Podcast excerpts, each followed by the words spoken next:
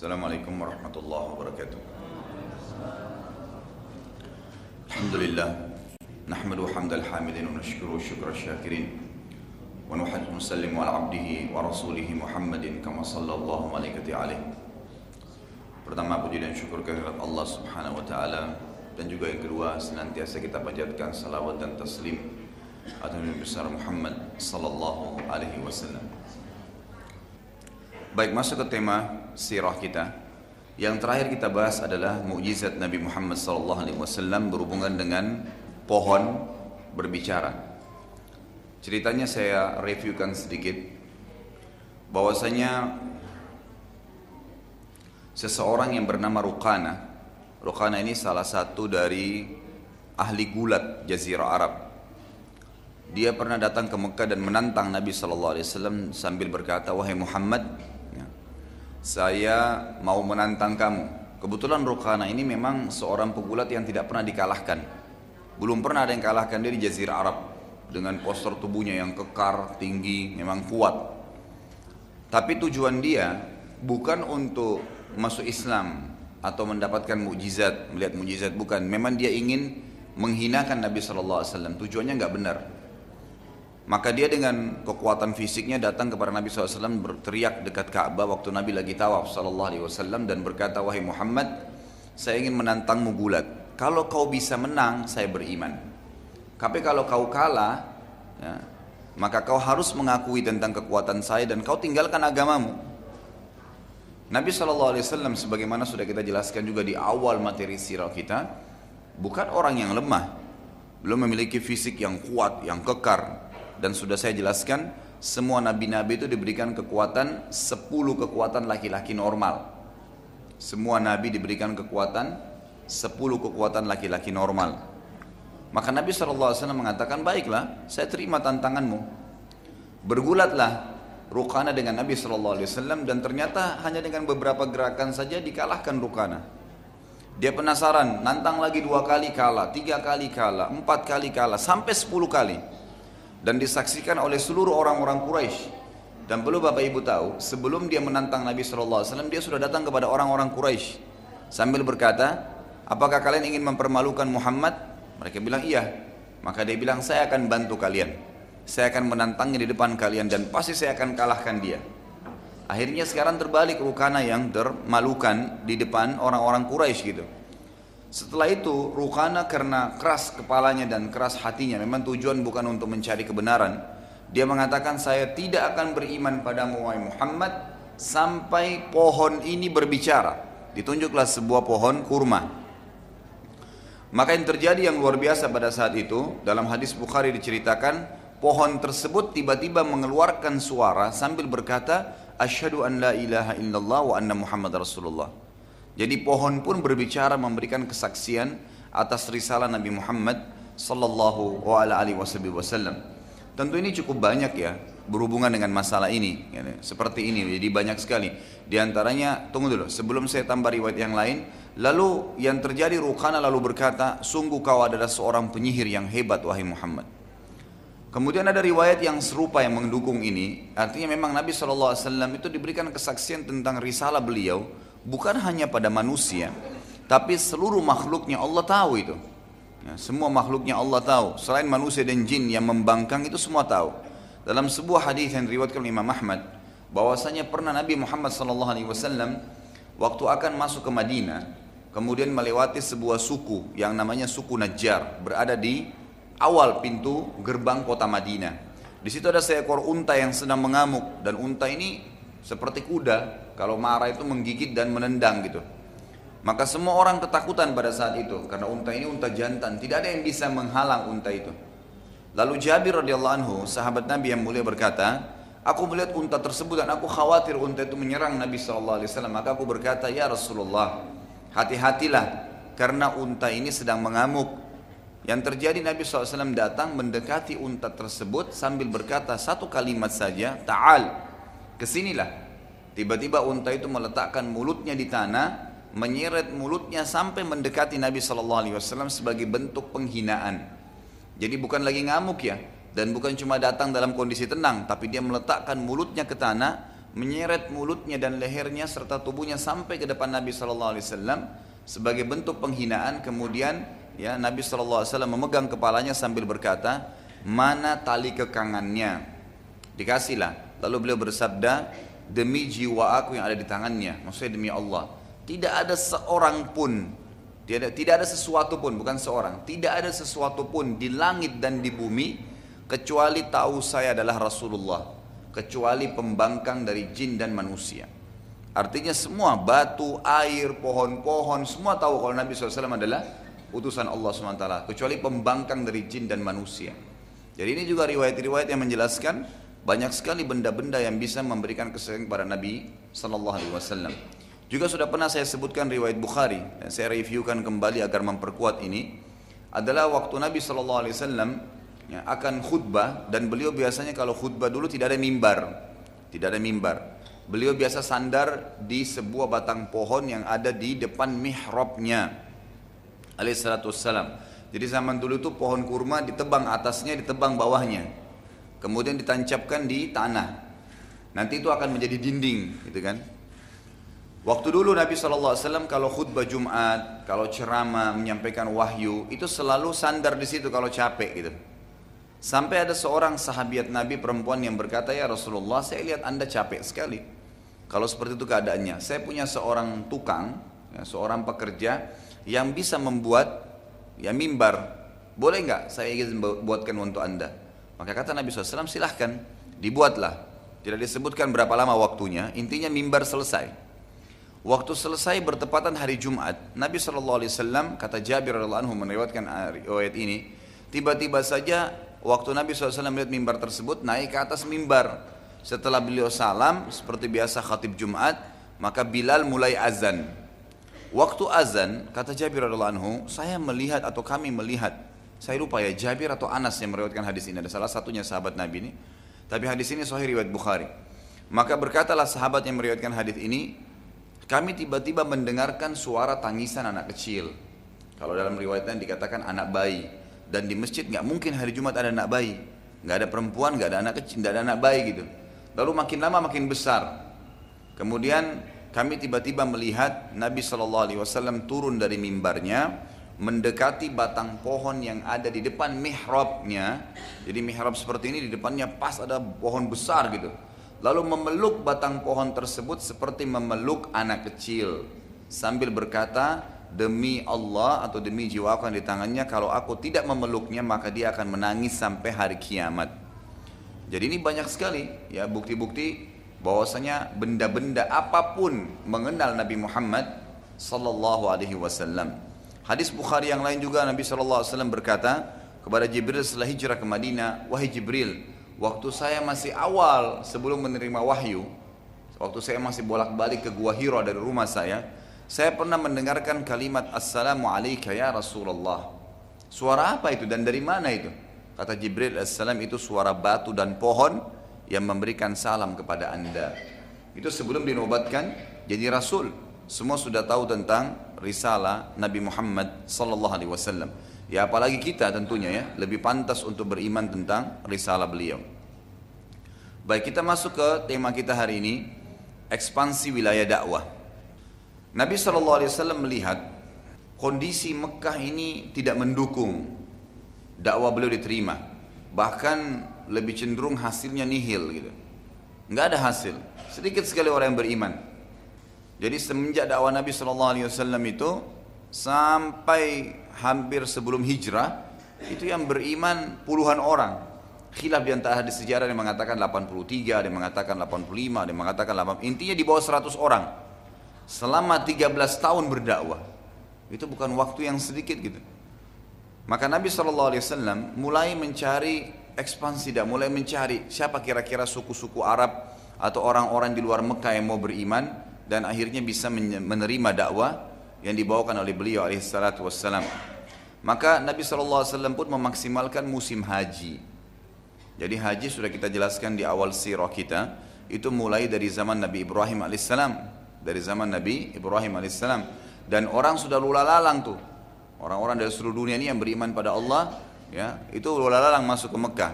Maka Nabi SAW memaksimalkan suku-suku yang datang uh, di musim haji.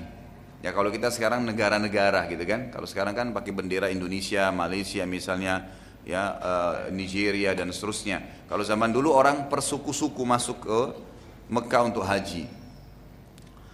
Nabi SAW selalu berusaha menemui kepala sukunya. Ini suku apa? Dari mana? Dari Yaman misalnya. Kepala sukunya siapa? Coba ditemuin dan disampaikan. Tapi anehnya, Pak hadis sejarah mengatakan, ada seseorang yang berkulit putih, orangnya gagah gitu kan, mirip dengan Nabi SAW, selalu mengikuti Nabi SAW. Dan selalu setiap kali Nabi berdakwah, dia mengucapkan kalimat setelah sampaikan dakwah ini, untuk membatalin dakwah aja. Dia mengatakan, kami lebih mengenalnya, ia dari suku kami, sungguh dia adalah seorang pembohong. Lalu pada saat para sahabat bertanya kepada ya sahabat-sahabat yang lain yang hadir di situ, ya waktu setelah hijrah ke Madinah, siapa orang itu yang sampai Nabi SAW sendiri tidak menegurnya, dibiarin aja, gitu kan? Saat membohongi dakwah Nabi SAW, ternyata dia adalah paman kandung beliau sendiri, Abu Lahab. Jadi Abu Lahab ini memang dia mengikuti Nabi SAW waktu itu khusus untuk memberhentikan dakwah gitu. Ini menandakan pelajaran besar bahwasanya orang kalau mendakwakan agama Islam yang benar itu ada tantangannya. Jangan Anda berpikir, oh dengan mendakwakan sunnah misalnya, mendakwakan pemahaman yang benar, lalu kemudian semua orang spontan mau menerima. Tidak. Itu sudah menjadi sunnatullah, ada yang nolak. Biasa itu. Diingatkan ini hadis Nabi, ah nggak mau, nolak biasa. Karena syaitan tidak mau orang semua beriman, gitu kan? Terbukti Nabi Muhammad SAW pamannya sendiri, paman kandungnya ini ayah kakak dari ayah beliau. Abu Lahab itu terkenal sekali, kan gitu. Orangnya sebenarnya pada saat di zaman jahiliyah terkenal, suka menaungi orang, suka membantu orang miskin, tapi subhanallah untuk dakwah ditolak. Dan tidak cukup dia menolak untuk beriman, dia juga menahan orang-orang untuk beriman kepada Allah subhanahu wa ta'ala. Makanya turun surah khusus menyebutkan nama dia, surah Lahab.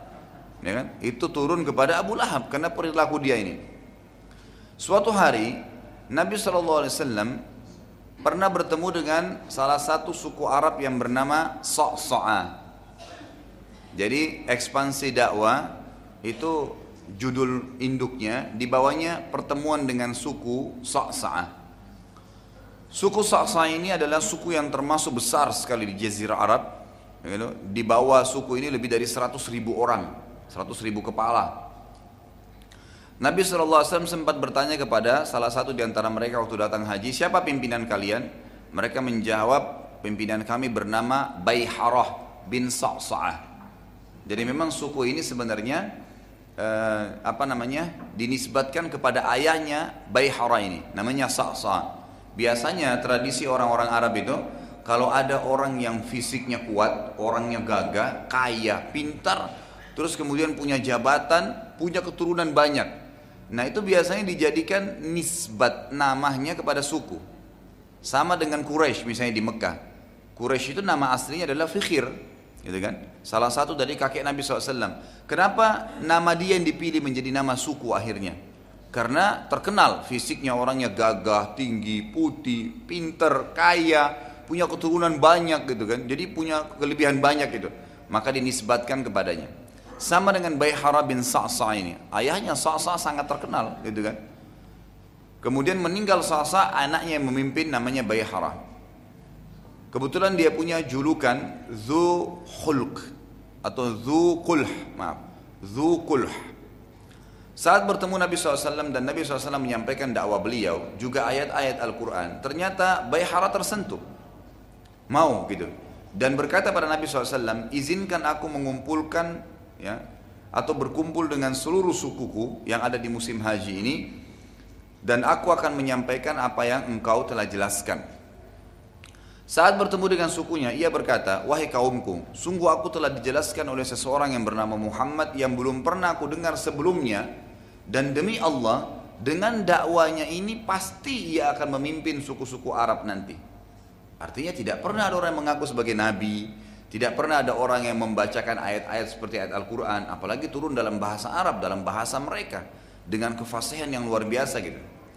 Lalu kaumnya berkata, apa saran anda sebagai pemimpin? Bayhara berkata, pendapatku kita menjadi pengikutnya. Ayo kita beriman. Kaumnya berkata, Anda pemimpin kami dan kami serahkan keputusan sepenuhnya pada Anda. Terserah. Mau beriman boleh, tidak mau beriman terserah. Kami ikut. Pokoknya Anda beriman, 100 ribu ini ikut semua beriman. Ini bukan hal yang ringan gitu kan. Kaumnya berkata, ya apa? Bayhara lalu kembali kepada atau ke sekitar wilayah Ka'bah dan menemui Nabi Wasallam.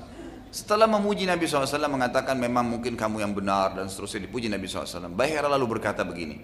Perhatikan ya. Subhanallah, banyak sekali unsur dakwah tertolak dan kebenaran tertolak hanya karena masalah hawa nafsu. Hanya karena gila harta, ya. Hanya karena gila jabatan. Perhatikan apa yang terjadi pada Bayhara. Bayhara ini hampir saja dia menjadi posisinya sahabat-sahabat yang mulia seperti posisi Abu Bakar, posisi Umar, hampir dikenang sepanjang masa sampai hari kiamat. Semua orang yang beriman akan kenang namanya, sejarahnya akan dinukil. Tapi karena hawa nafsunya meninggalkan semua itu. Hilang semua dari dia. Bahkan pahala 100 ribu anggota sukunya itu tidak didapatkan sama dia. Apa yang dia bilang? Dia bilang pada Nabi SAW, Wahai Muhammad, kami akan beriman padamu dan seluruh pedang kami akan melindungimu. Artinya kami akan mati untuk membelamu. Tetapi ada satu syarat. Kata Nabi SAW, apa itu? Bayhara berkata, aku menjadi pengganti setelah anda. Kalau anda mati, pastikan saya jadi pemimpin. Karena dia tahu ini nanti akan jadi raja. Karena Nabi SAW bukan hanya Nabi ya. Tapi memang pemimpin, jadi raja gitu kan. Berdirinya kerajaan, bisa dikatakan bisa tanda kutip kerajaan Islam di Madinah itu. Dan Nabi SAW adalah selain Nabi pemimpinnya. Jadi rajanya gitu kan. Maka dia memberikan syarat, kalau anda meninggal saya jadi pemimpinnya. Nabi SAW berkata, itu urusan Allah dan pastilah yang terbaik akan diberikan kepada orang-orang yang bertakwa. Artinya itu bukan keputusan saya. Kalau nanti memang setelah saya meninggal Allah akan pilih Anda silahkan. Kalau enggak ya enggak. Pasti pasti Allah pilih yang paling bertakwa. Bayhara lalu berkata lagi, wahai Muhammad, kami siap melindungi Anda, gitu kan? Kami siap melindungi Anda dari seluruh suku Arab atau siapa pun yang mengganggu Anda dan bukan kami yang mewarisi kepemimpinan setelah anda? Jawaban Nabi SAW sekali lagi, itu urusan Allah dan pastilah yang terbaik akan diberikan kepada orang-orang yang paling bertakwa. Gitu. Dengan keputusan Nabi SAW, Nabi tidak berikan kejelasan, cuma mengatakan saya tidak bisa janji, beriman, anda silahkan tetap jadi kepala suku. Karena tradisi Nabi SAW, bukan cuma tradisi, memang ajaran Allah SWT kepada Nabi Muhammad SAW, itu kalau ada orang yang beriman, beliau tidak ganggu, jabatannya, kedudukannya tidak diganggu, dibiarin aja. Dibiarin aja gitu kan. Seperti kalau anda masih ingat dulu ada seseorang yang bernama Bazan di awal pelajaran kita dulu. Ada seorang gubernur Persia yang berkuasa di wilayah Irak gitu kan. Raja di sana tapi dia dianggap gubernur oleh Persia. Waktu dia beriman pada Nabi SAW dan tapi tidak pernah lihat Nabi ya maka di, ulama masukkan dalam kategori tabi'in. Itu Nabi SAW tidak ganggu. Enggak diganggu, enggak, di, enggak diambil jabatannya misalnya disuruh bayar apa, enggak. Nabi biarin, sudah beriman silahkan, tetap memimpin. Semua raja-raja juga yang Nabi SAW kirimkan surat dari Raja Roma, Romawiya, Raja Persia, Raja Najasyi yang ada di yang ada di Afrika, itu semua waktu dikirimkan risalah Nabi SAW tidak minta kerajaan mereka, hanya minta ikrar syahadat. Lalu terima hukum Allah, silahkan tetap memimpin. Dan inilah Islam gitu kan. Anda kalau menjadi seorang da'i, cukup ikrarkan syahadat selesai. Jangan pernah berharap apa pun dari mad'u, orang yang didakwai. Semua dai subhanallah yang berharap ada balasan dari orang yang sedang didakwai, pastikan dakwanya tidak akan berbekas. Nggak mungkin. Tapi kalau dia ikhlas memang mau menyampaikan agama Allah dan Allah akan memberikan balasan sama dia, maka selesai, gitu kan? Kalau ada seorang dai memang dia sudah ceramah lalu diberikan amplop misalnya itu rezeki dia. Tapi kalau dia mau ceramah ditentuin saya nggak datangnya kecuali 10 juta. Lo misal begitu. Saya sampai disampaikan oleh salah seorang ya mad'u gitu kan, orang yang terdakwa ini mengatakan Ustadz masa ada seorang Ustadz diundang ke Kalimantan waktu itu, kemudian tidak jadi datang hanya karena tarifnya kurang. Subhanallah, agama ditunggangi untuk kehidupan dunia bagaimana Gitu kan? Sementara semua konsep para nabi apa dalam Al-Quran, semua ayat cerita tentang nabi-nabi dalam surah Al-Anbiya, dalam surah Ibrahim, dalam surah Hud, banyak sekali. Selalu konsepnya sama. A'udzubillahi minasyaitonirrajim. Qul la as'alukum alaihi min ajrin in ajriya illa 'ala Allah. Saya tidak pernah berharap balasan dari kalian dan balasan saya di sisi Allah. Tidak ada orang yang tulus berdakwah kecuali Allah penuhi kebutuhannya, gitu kan? Tapi kapan dia menunggangi dakwah dai da, mad'unya orang yang didakwai untuk mendapatkan manfaat duniawi, pastikan tidak akan diterima dakwanya. Ataupun orang cuma mengatakan bagus ya, selesai. Orang-orang pulang nggak bawa bekas, nggak ada ilmu yang bisa dibawa, nggak berbekas, nggak berubah orang yang sedang didakwainya. Maka itu pengaruhnya sangat besar, pengaruhnya sangat besar. Kita kembali ke bahasan tadi, maka yang terjadi apa? Orang ini minta balasan, gitu kan? Dengan keputusan Nabi SAW Bayhara tidak jadi beriman. Dan dengan dia tidak jadi beriman 100 ribu sukunya nggak jadi beriman. 100 ribu orang dia bisa panen Pahalanya itu luar biasa. Itu mereka-mereka. Bagaimana kalau anak cucunya nanti lahir? Gitu kan gitu? Kemudian beriman semua sama Allah Berapa juta pahala yang didapatkan sama dia gitu Tapi dia nggak pikirin itu Semua itu karena Bayhara lebih berpikir urusan duniawi Padahal hampir saja mereka yang menjadi ansar yang Allah sebutkan dalam Al-Quran. Semestinya mereka hampir jadi gitu kan suku Sa'sa. Tapi nggak jadi. Hanya karena hawa nafsu seorang pemimpin gitu. Ini bahaya sekali. Gitu. Ini bahaya sekali. Dan ini harus jadi pelajaran buat kita ya. Bagi anda yang hadir ataupun siapa yang mendengarkan ceramah kita ini. Kalau Allah SWT berikan anda jabatan di pemerintahan. Maka tunggangi itu mendapatkan amal jariah. Bukan malah hanya dikejar masalah duniawi gitu. Mungkin saya lupa, saya tidak tahu pernah saya sampaikan atau tidak. Tetangga saya pernah, uh, saya tidak usah sebutkan namanya. Semoga Allah selalu menjaga beliau gitu kan. Pernah uh, menjabat, men, bukan menjabat, baru mau menjadi kandidat, masuk jadi kandidat wakil bupati saja. Wakil bupati belum bicara gubernur, apalagi kalau sudah presiden gitu kan. Wakil bupati saja, subhanallah. Saya sempat duduk dan saya bilang, Pak, Kenapa sih sebenarnya pemimpin kita ini di Indonesia? Saya nggak bicara negeri Islam yang lain, Indonesia saja. Kenapa mereka pada saat menjabat lima tahun itu tidak ditunggangin ya untuk dapat jamal amal jariah? Lima tahun itu bukan waktu sedikit loh. Kita sekarang kalau mau bangun sebuah madrasah di sebelah masjid ini saja, ukuran misalnya 200 meter, 300 meter, butuh biaya berapa banyak dan susah gitu kan. Tapi kalau seorang pejabat, dia bisa menggunakan ya kegiatan atau dana-dana anggaran pemerintah untuk membangun. Jadi amal jariah buat dia.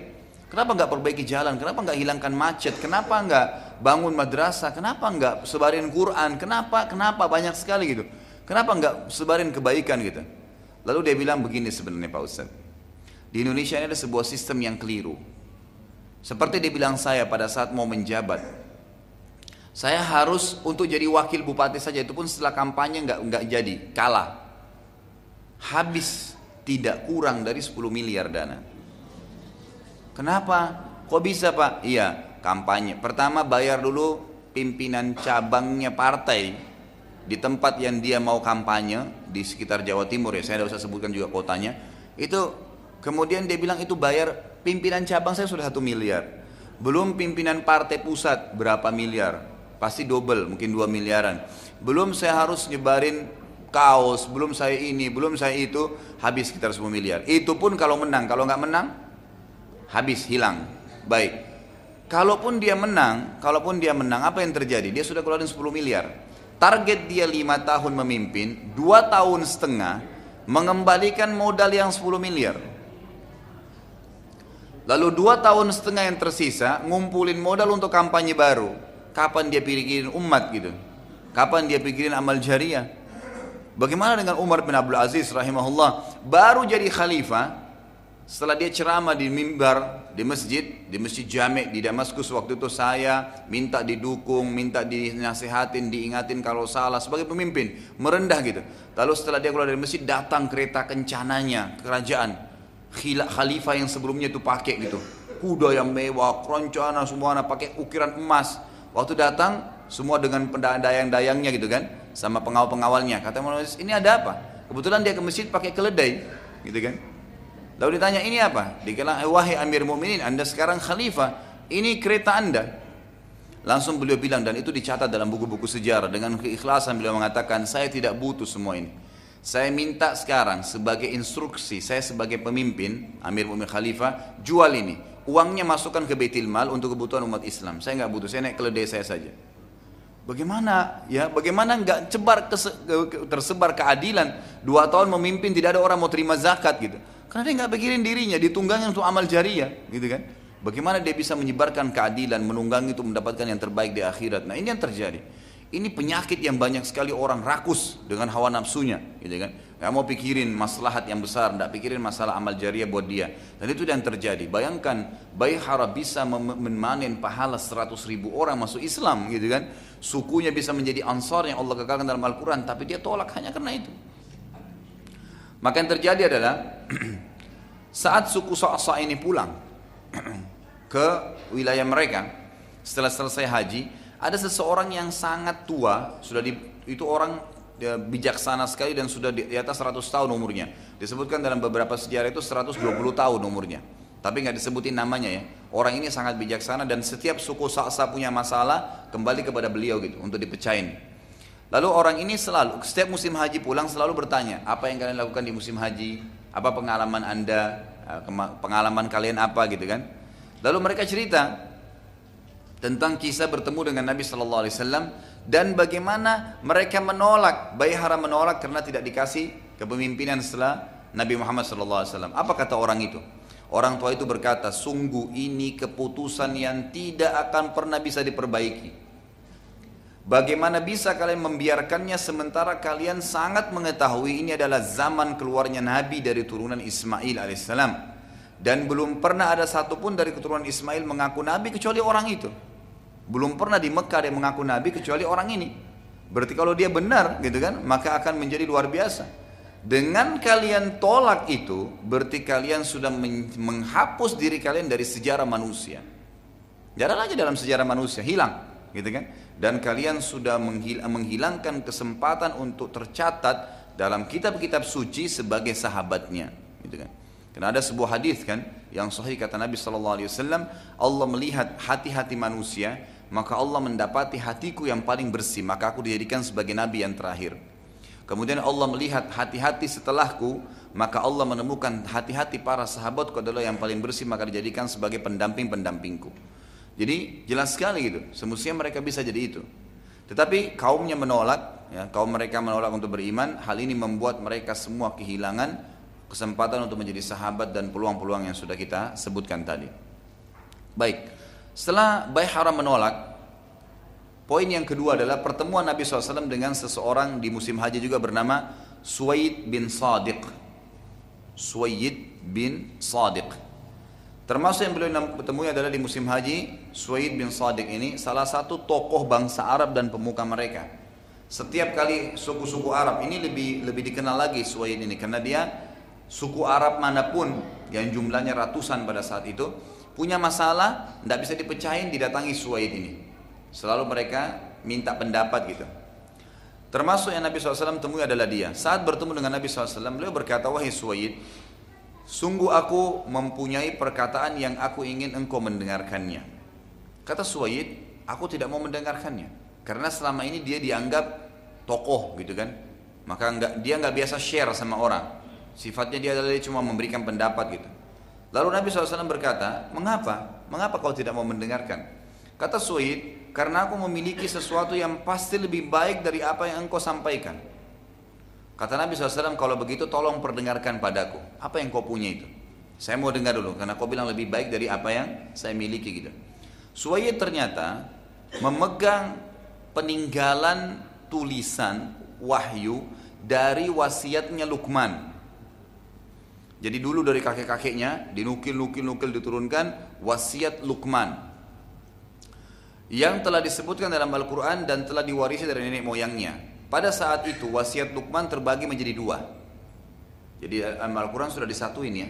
Tapi waktu zaman itu tidak terpisah dan tertulis di kulit unta gitu kan sebagaimana juga Al-Quran cukup banyak yang kita sudah pelajari atau nanti akan kita pelajari insya Allah pada saat hijrah ke Madinah itu eh, Ayat-ayat Al-Quran banyak turun di kulit-kulit unta yang sudah tertulis, terukir gitu kan, atau di tulang-tulang e, unta gitu kan. Itu di antara e, salah satu tempat-tempat tertulisnya Al-Quran. Baik, wasiat Luqman itu terbagi dua. Yang pertama berisikan tauhid. Dan ini Allah ceritakan dalam surah Luqman urutan 31 ayat 13 sampai 17. Bunyinya A'udzubillahi minasyaitonirrajim. Bismillahirrahmanirrahim. Wa idh qala Luqman libnihi wa huwa ya'idhuhu ya bunayya la tusyrik billah innasyirka la zulmun 'adzim. Dan ingatlah ketika Luqman berkata kepada anaknya di waktu ia memberikan pelajaran kepadanya. Dan ini juga pelajaran besar yang paling pertama tanamkan di jiwa anak adalah tauhid, pengisahan kepada Allah SWT. Dia tahu dia punya Tuhan dan dia hanya tahu menikmati apa yang Tuhannya halalkan dan dia meninggalkan apa yang Allah haramkan tanpa harus tunduk dengan manusia. Ini peringatannya, wahai anakku, jangan pernah kau mempersekutukan Allah. Jangan pernah kamu partisipasikan Allah dengan makhluknya hanya mintalah kepada Allah, hanya tunduklah kepada Allah, hanya takutlah kepada Allah gitu. Sesungguhnya mempersekutukan Allah adalah benar-benar kezaliman yang besar. Biwalidayhi hamalathu ummuhu wahnan ala wahni wa fisalu fi amaini an ashkur li wa liwalidayka ilayya al-masir. Dan kami perintahkan kepada manusia berbuat baik kepada ibu bapaknya yang dan ibunya yang telah mengandungnya dalam keadaan lemah yang bertambah lemah dan menyapinya dalam dua tahun. Bersyukurlah kepadaku dan juga berterima kasihlah kepada ibu bapakmu. Hanya kepadakulah kalian atau kamu akan dikembalikan. Kemudian ayat ini ayat ke tadi 13 sampai 16 ya. Ayat 13-nya tadi sudah, 14-nya sudah, sekarang ayat 15-nya 13 sampai 17 maaf. Ayat 15-nya bunyinya wa in jahadaka ala an tusyrika bi ma laysa laka bihi ilmun fala tuti'huma وصاحبهما في الدنيا معروفا واتبع سبيل من أناب إلي ثم إلي مرجعكم فأنبئكم بما كنتم تعملون dan jika keduanya memaksamu untuk mempersekutukan dengan aku sesuatu kata Allah yang tidak ada pengetahuanmu tentang itu maka janganlah kamu mengikuti keduanya dan bergaullah dengan keduanya di dunia dengan cara baik serta ikutilah jalan orang yang kembali kepadaku orang-orang yang telah beriman mengenal tahu ilmu wahyu ikuti mereka Kemudian hanya kepadaku lah kalian akan dikembalikan, maka aku beritahukan kepada kalian apa yang telah kalian lakukan. Di ayat yang ke-16, Ya bunayya, innaha intaku mithqala habbatin min khardalin fatakum fi sahratin aw fi samawati aw fil ardi ya'ti biha Allah, innallaha latifun khabir. Luqman berkata, hai anakku, dan ini kita bisa ambil pelajaran bagaimana Luqman itu luar biasa. Tauhidnya kepada Allah SWT. Ini inti, ya ini daripada inti daripada kehidupan. Dan khilaf di antara ulama apakah Luqman ini nabi atau orang saleh. Gitu kan? Tapi yang lebih kuat pendapat mengatakan dia adalah seorang nabi. Dia adalah seorang nabi. Makanya Allah kekalkan dalam Al-Qur'an namanya. Dan umumnya yang disebutkan dalam kitab-kitab suci adalah nabi. Adalah nabi. Terbukti para sahabat saja itu di antara sekian puluh ribu sahabat hanya satu orang yang disebutkan namanya Zaid ya kan yang lainnya tidak disebutkan Abu Bakar pun tidak disebutkan namanya Umar tidak disebutkan namanya dan memang yang disebutkan dalam Al-Quran itu adalah orang-orang yang Allah subhanahu wa ta'ala pilihkan secara khusus dan kebanyakan para nabi-nabi gitu. Maka Luqman apalagi dengan wasiat-wasiatnya ini yang menjadikan di, dibawa turun-temurun sebagai wahyu, maka menandakan dia adalah seorang nabi. Luqman berkata, "Hai anakku, sesungguhnya jika ada sesuatu perbuatan seberat biji sawi dan berada dalam batu baik itu di langit ataupun di dalam bumi niscaya Allah akan mendatangkannya. Sesungguhnya Allah maha halus lagi maha mengetahui. Ah, Allah maha lembut lagi maha mengetahui. Artinya tidak ada sesuatu yang tersembunyi sama Allah. Biji sawi ditaruh dalam batu baik itu di langit ataupun di bumi dalam bumi tetap Allah bisa datangkan Kemudian dikatakan di ayat 17 ya bunayya aqimis salata wa'mur bil ma'ruf wanha 'anil munkar wasbir 'ala ma asabak. Inna dzalika min azmil umur. Hai anakku dirikanlah salat dan seruhlah manusia mengerjakan yang baik dan cegahlah mereka dari perbuatan yang mungkar dan bersabarlah terhadap apa yang menimpa kamu. Sesungguhnya demikian termasuk hal-hal yang diwajibkan oleh Allah. Ayat 17 memberikan pelajaran kepada kita bahwasanya sholat itu sudah ada dari zaman dulu Sholat sudah ada dari zaman dulu. Cuman tinggal bacaannya gitu kan dan beberapa gerakannya mungkin berbeda sebagaimana ulama jelaskan. Dari zaman Nabi Adam AS sudah ada sholat. Tapi umumnya gerakan-gerakan dasar seperti ruku, sujud itu semuanya sudah dari awal ada. Tapi beberapa gerakan-gerakan yang lain seperti ulama rincikan masalah i'tidal duduk di antara dua sujud atau adanya sujud dua kali atau mungkin ada sujud yang cuma sekali, ada sujud yang beberapa kali itu tergantung perintah Allah kepada nabinya masing-masing. Tapi ini sholat sudah ada, terbukti Luqman sudah mengatakan dirikanlah sholat. Kemudian juga sama mengingatkan pada kebaikan, melarang dari kemungkaran. Artinya menyuruh umat manusia ini untuk untuk menikmati yang halal dan meninggalkan yang haram. Apa yang Allah halalkan dinikmatin, apa yang haram ditinggalkan. Kemudian bersabarlah atas apa yang menimpa kamu. Semua yang tertimpa musibah saudaraku, sabarlah. Apa itu sabar? Selalu saya ulangi. Bukan ngelus dada duduk manis. Seperti di Indonesia begitu. Sabar ya, suruh duduk. Salah. Ya kan gitu. Tapi sabar definisinya adalah menerima takdir Allah, kemudian ikhtiar mencari jalan keluar. Contoh, Bapak Ibu bangun pagi, flu. Yang paling pertama, sabar. Apa itu sabar? Terima dulu takdirnya Allah. Oh, Allah sudah uji saya dengan penyakit. Karena biar kita ngamuk-ngamuk, penyakitnya tetap sudah ada. Gitu kan? Terima dulu sebagai takdir. Lalu ikhtiar. Minum obat. Konsultasi dengan dokter. Gitu kan? Minum teh hangat. Itu semua adalah ikhtiar. Ini namanya sabar. Terima takdir Allah, kemudian ikhtiar. Ada masalah dalam rumah tangga? Baik. Ini cobaan Allah datangkan. Sabar. Bagaimana sabar? terima sebagai takdir Allah lalu ikhtiar memperbaiki. Coba, kan gitu. Itu namanya sabar. Dan ini dikatakan wasbir ala ma asabak. Ini dari dulu. Ibnu Abbas radhiyallahu anhu berkata, Subhanallah baru semalam saya dapat posting gitu kan. Dari satu teman waktu di WhatsApp itu, kalimat yang luar biasa gitu. Dia mengatakan, ya, pada saat kau sedang keluhkan permasalahanmu dengan Allah, waktu musibah datang, mungkin kau menangis, tapi kau masih bisa tidur. Sementara Allah Tuhanmu menyelesaikan permasalahanmu pada saat kau keluhkan dengannya tanpa dia tidur. Kamu sedang tidur, Allah selesaikan permasalahanmu dengan cara dia yang kalau kamu tahu bagaimana Allah selesaikan urusanmu, kau akan menangis karena senang. Gitu kan? Allah SWT tidak biarkan. Diselesaikan oleh Allah Azza Jalla, tapi dengan caranya Allah. Dengan caranya Allah SWT. Mungkin kita berharap cepat, tapi Allah tundain. Tiga empat hari kemudian, sebulan kemudian. Allah kita ingin dengan cara A selesai, ternyata tidak. Allah selesaikan dengan cara Z. Allah lebih tahu. Dan umumnya kalau Allah ujikan seorang hamba musibah, maka berarti Allah akan angkat derajatnya dan mengampuni dosanya. Serta kadang-kadang subhanallah, ini sering saya bahasakan kalau anda sedang menghadapi musibah. Makin berat cobaan datang, maka pastikan anda orang paling kuat, lebih kuat imannya. Karena kata Nabi SAW sudah jelas. Semua dalam hadis Bukhari, semua nabi-nabi cobaannya paling berat. Kemudian datang orang-orang yang beriman tingkatannya mendekati Nabi, kemudian terusnya begitu. Artinya orang yang paling berat ya, cobanya adalah orang yang paling tinggi imannya, gitu kan? Orang yang paling tinggi imannya. Jadi kalau cobaan makin besar jangan bilang aduh besarnya cobaan kepada saya. Enggak. Alhamdulillah berarti saya orang dekat dengan Allah Subhanahu wa taala. Karena ada kadang-kadang Bapak Ibu sekalian, ini ulama tekankan ya ada derajat di surga kita nggak bisa dapat kecuali dengan 100 tahun sholat malam. Dengan 100 tahun sadaqah bakti dengan orang tua haji mungkin seribu kali. Kita nggak bisa. Umur kita cuma 60 misalnya. Sholat tahajudnya harus 100 tahun.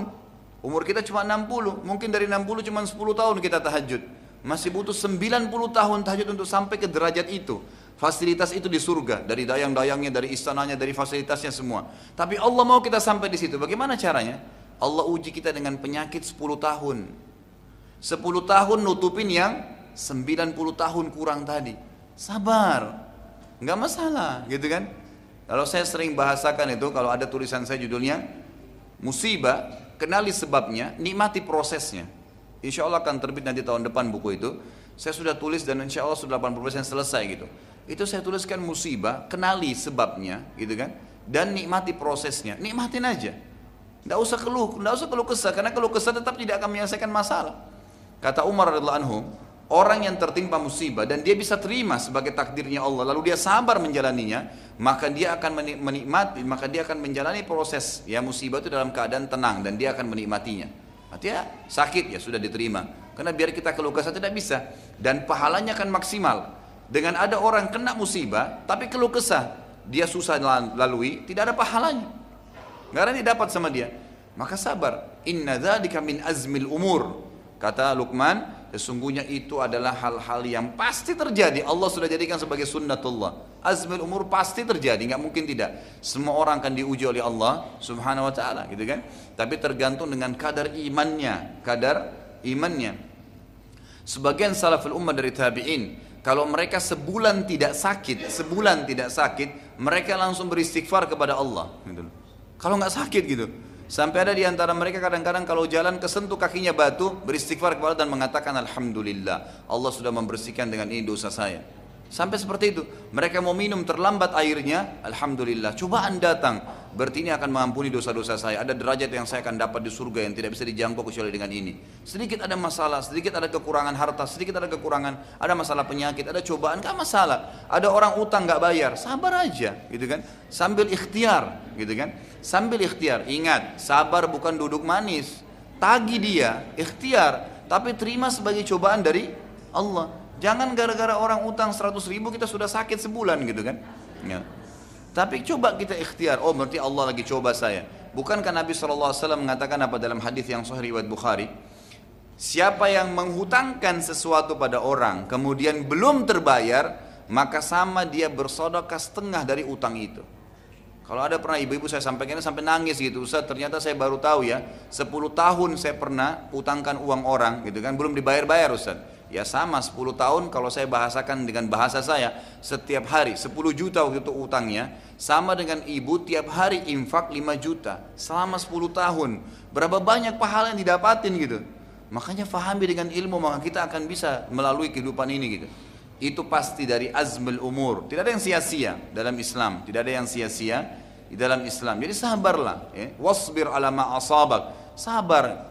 Ibnu Abbas berkata radhiyallahu anhumah dalam statement sabar ini beliau mengatakan yang saya dapat posting semalam ya kalau seandainya kata beliau kalau seandainya langit ini rubuh gitu kan menimpa bumi maka pasti Allah akan berikan jalan keluar kepada orang-orang yang bertakwa dan sabar jadi pasti Allah akan bukain celah-celah yang mereka tidak kena timpaan tersebut dan mereka bisa lari lepas daripada runtuhan langit. Bukankah Allah mengatakan, "Wa may yattaqillaha makhraja?" Orang yang bertakwa, orang yang patuh dan sabar itu akan diberikan makhraja, jalan keluar dari masalah dia.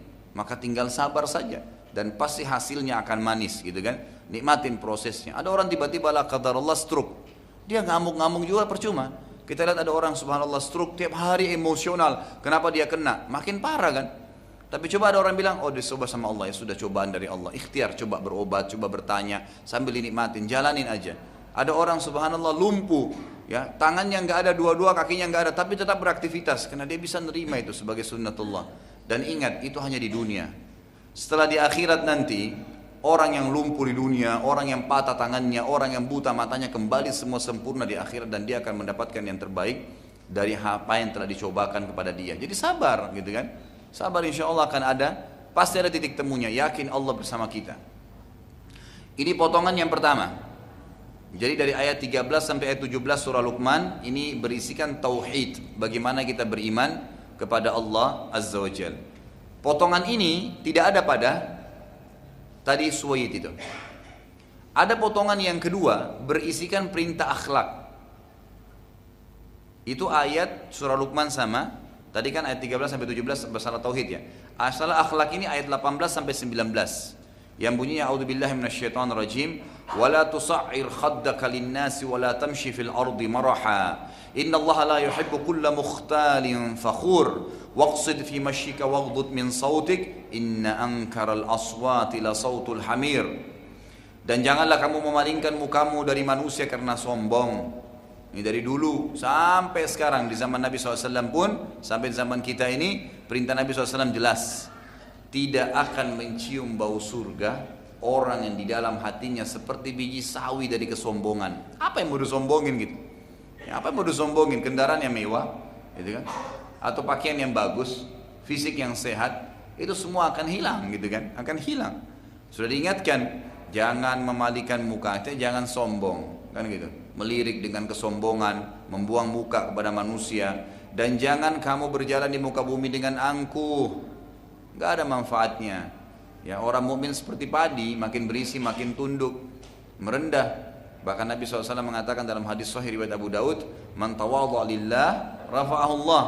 Siapa yang bertawadhu merendahkan diri di muka bumi karena Allah, nggak pernah sombong, makin diberikan harta makin merendah, makin diberikan kepintaran makin merendah, makin diberikan kelebihan fisik makin merendah, gitu kan? Maka Allah akan tinggikan derajatnya. Allah akan harumkan namanya di dunia dan di akhirat.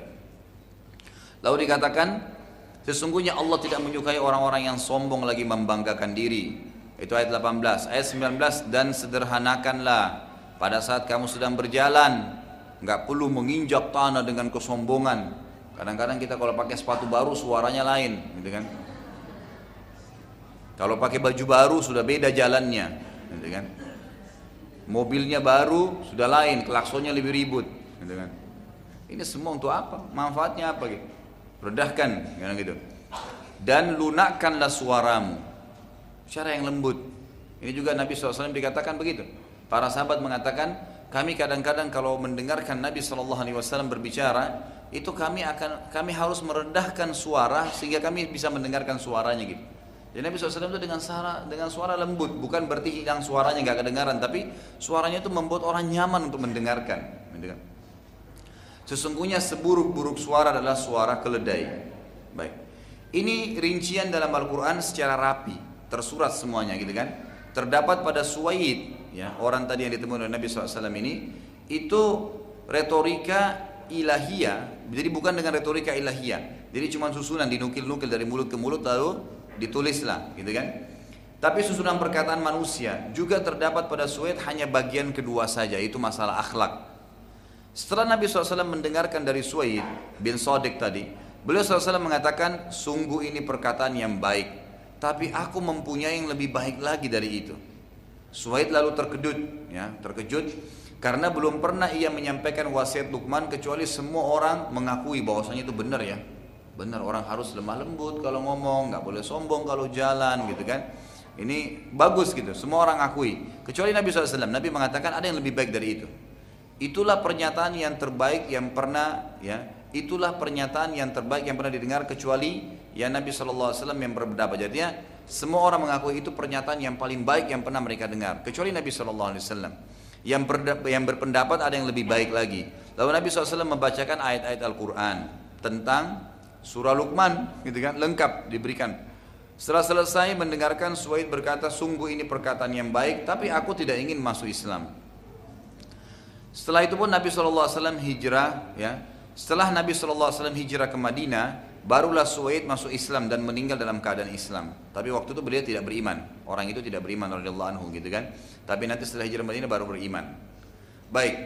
Kejadian yang ketiga, inilah kejadian yang terbesar kata para ahli sejarah ya mencatat ya mencatat perubahan yang luar biasa dalam Islam dengan bertemunya Nabi SAW dengan dua suku Arab dari Madinah Aus dan Khazraj. Nah, dua suku ini dari dari Yaman dulunya, kemudian hijrah ke Madinah gitu kan. Aus dan Khazraj. Dua-dua nanti dalam Islam dikatakan suku Ansar. Jadi setelah tadi uh, Bayhara tadi menolak, kemudian Suwaid juga menolak, maka Nabi SAW akhirnya bertemu di musim haji yang sama di tahun yang sama dengan Aus dan Khazraj. Kata hadis sejarah kejadian yang paling berpengaruh yang dialami Nabi SAW juga perkembangan Islam dan berubahnya sejarah dunia bertemunya Nabi SAW dengan sebagian orang dari suku Khazraj dari Madinah yang sedang berkumpul di Aqabah. Aqabah tempat lempar setan besar gitu ya. Yang dibahasakan biasa begitu. Kira-kira jumlahnya khilaf di antara sejarah 6 sampai 12 orang ya kan gitu dari suku ini Nabi SAW menemui mereka dan memberitahukan tentang Islam, membacakan ayat-ayat Quran. Saat mereka mendengarkan, maka salah seorang di antara mereka berkata begini, Demi Allah, inilah yang pernah diancamkan orang-orang Yahudi pada kalian. Kebetulan waktu itu, di Madinah itu, penduduk Madinah terdiri dari lima suku. Dua dari Arab, tiga dari Yahudi. Jadi lima. Dua dari Arab, tiga dari Yahudi. Dari Arab tadi Aus dan Khazraj ini. Dan mereka cukup besar, mereka cukup besar. Dua suku Arab ini sudah mengalahkan jumlahnya tiga suku Yahudi. Suku Yahudi yang ada di Madinah adalah suku Kainuqa. Yang pertama, yang kedua Quraidah, yang ketiga Nadir. Nanti ini akan ada sejarahnya sendiri. Kita akan terus ikuti di Madinah nanti ketiga suku Yahudi dan bagaimana Nabi SAW mengusir mereka dari Madinah. Ketiga suku ini ya, Yahudi ini karena melihat suku Aus dan Khazraj setelah mereka ketiga suku ini bersatu pun belum bisa mengalahkan jumlah Aus dan Khazraj maka mereka menyebarkan fitnah sehingga membuat suku Aus dan Khazraj saling berperang saling berperang. Dan setiap kali bertemu dengan Aus dan Khazraj orang-orang Yahudi suka bilang ketahuilah nanti akan keluar dari kota ini di Madinah maksudnya ya, seorang nabi terakhir yang kami orang-orang Yahudi adalah orang-orang yang paling pertama mengakui kenabiannya dan kami nanti akan memerangi kalian sebagaimana dan kalian akan musnah semua sebagaimana pembantaian Arim dan Samud. Jadi pernah ada terjadi peperangan antara Arim dan Samud itu sampai habis mayoritas daripada eh, apa namanya orang-orang yang ikut berperang. Jadi tersisa semua tinggal berapa orang saja semuanya mati gitu. Jadi orang Arab menggunakan istilah dengan perang Arim dan Samud. Maka orang-orang Aus dan Khazraj gitu kan, ketakutan siapa nabi terakhir itu dan mereka ini Aus Khazraj bukan orang-orang yang mengenal Allah, mereka penyembah berhala. Yang mengenal Allah waktu itu orang-orang Yahudi tadi, orang-orang Yahudi tadi.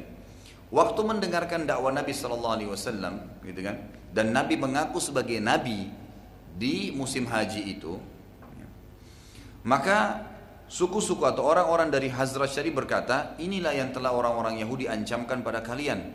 Maka jangan biarkan mereka orang-orang Yahudi mendahului kalian sehingga ancaman mereka tercapai. Maka berimanlah ke 6 atau ke 12 khilaf di antara ahli sejarah tapi yang kita ambil misalnya jumlah maksimal 12 orang tersebut tiba-tiba beriman pada Nabi sallallahu alaihi wasallam dan mereka lah orang-orang yang pertama beriman pada Nabi sallallahu alaihi wasallam di musim haji di musim haji Kedua belas orang tersebut lalu balik ke Madinah setelah dibekali oleh Nabi SAW dengan beberapa ayat-ayat Al-Quran. Lalu mereka menyebarkan Islam di Madinah dan makin banyak akhirnya orang yang menganut Islam. Tahun depannya mereka mengirim 12 orang lagi di musim haji yang setelahnya dan menemui Nabi SAW lalu terjadilah istilah bayat aqaba ula. Apa itu? Kesepakatan. Bayat itu diberikan kepada pemimpin, gitu kan? Jadi kesepakatan baik itu tuh memberikan e, kepatuhan ya, tunduk kepada pemimpin itu. Bayat Aqabah Ula, kesepakatan di tempat Aqabah. Di tempat lempar setan besar tadi yang pertama yang juga dikenal dengan Bayat Nisa. Dalam hadis sejarah mengatakan atau dalam buku sejarah dikatakan bayatnya perempuan karena hampir semua isi bayat tersebut berisi iman, ketaatan pada Allah dan dukungan terhadap dakwah serta peringatan untuk kaum wanita. Gitu. Juga terdapat ya pada saat itu dan dikhususkan karena waktu itu yang paling banyak zaman itu ya, yang paling banyak menyebarkan perzinahan, pencurian itu kaum wanita. Zaman itu. Maka Nabi SAW berikan wasiat dan turun ayat mengingatkan para kaum wanita untuk tidak berzina dan mencuri pada zaman itu, peringatan-peringatan awal. Tanpa ada perintah jihad gitu. Setelah kesepakatan selesai, maka mereka meminta pada Nabi SAW diutus ke Madinah seorang dai yang bisa menuntun mereka untuk beriman kepada Allah SWT dan mengenal lebih jauh agama Allah gitu. Maka Nabi pun SAW mengutus ya seseorang dai yang bernama Mus'ab ibn Umair radhiyallahu anhu, gitu kan? Ada juga di antara ulama mengatakan yang dikirim adalah Muad bin Jabal. Tapi kalau kita kembali kepada riwayat-riwayat yang sahih kita temukan yang di Madinah adalah Musa bin Umair dan yang ke dan uh, uh, Muad bin Jabal ini dikirim ke Yaman, dikirim ke Yaman bersama dengan Abu Musa al-Ashri radhiyallahu anhum ajmain. Baik. Mulailah pada saat itu Musa bin Umair berdakwah dengan gencar, berdakwah dengan gencar menyebarin agama Islam gitu. Ada sebuah kisah di sejarah angkat waktu mulai dakwah menyebar di Madinah, kisah tentang masuk Islamnya Amr bin Jamuh radhiyallahu. Amr bin Jamuh ini salah satu sahabat yang akan mati syahid di perang uh, Uhud, di perang Uhud nantinya. Di antara yang masuk Islam adalah pertama di Madinah anak-anak Amr bin Jamuh. Amr bin Jamuh pada saat itu tidak mau masuk Islam, menyembah berhala. Setiap anak-anaknya tawarin, tidak usah sembah berhala, ini patung dibuat sendiri untuk apa gitu. Dakwanya masih sederhana gitu aja. Ini patung dibuat sendiri untuk apa disembah gitu, nggak ada gunanya. Kan gitu. Mereka tidak bisa berikan manfaat, tidak bisa berikan madarat untuk apa disembah gitu. Tetap Amr bin nolak. Umumnya seperti orang-orang yang sembah berhala nolak karena sudah jadi tradisi mereka. Dan ini subhanallah, syaitan biasanya ya seperti sering saya bahasakan ya, Bapak Ibu sekalian, syaitan itu adalah musuh kita ya. Kalau musuh itu, saya berikan contoh, kalau kita lagi di medan perang, saya berhadapan dengan musuh saya, saya punya pedang, saya punya perisai. Musuh juga punya begitu. Kalau saya diam, saya nggak nangkis, nggak nyerang, musuh saya buat apa? Hah? Dibunuh. Saya pasti akan dibunuh kan? Karena saya tidak nyerang, nggak nangkis. Musuh saya akan bunuh kan? dan musuh yang sedang mau membunuh saya pada saat saya tidak nyerang dan saya tidak nangkis misal perut saya ditusuk sama dia apakah dia cuma gores kemudian ditinggal dia pasti akan tusuk sampai mati dan diobrak abrik begitulah syaitan. Jadi Allah sudah mengatakan ulama tafsir mengatakan pada saat mentafsirkan makna ya innahu lakum aduwwum mubin. Syaitan itu adalah musuh kalian yang nyata. Artinya tidak ada yang Allah sebutin kata-kata musuh seperti syaitan menghadapi syaitan ini. Berarti itu jelas syaitan. Jadi kata para ulama menafsirkan, syaitan itu seperti tadi orang punya peris, punya pedang, punya perisai dan dia selalu menyerang orang-orang yang beriman pada Allah ini. Diserang sama dia. Dan kalau sudah dia serang dan sempat dia melukai sedikit, dia tidak akan tinggal dia makan dilukai terus. Dan dia berusaha luka yang sudah kena itu tidak kering. Maksudnya apa? Serangan dia adalah kita berbuat maksiat. Seseorang misalnya selalu nonton gosip setiap hari jadwalnya jam 8 pagi. Ibu-ibu langsung ketawa ya gitu. Tiap hari jadwalnya. Maka pastikan setan akan buat kita sebelum jam 8 siap-siap mau nonton lagi tuh. Karena dia nggak mau luka kita kering, gitu kan? Harus terus itu.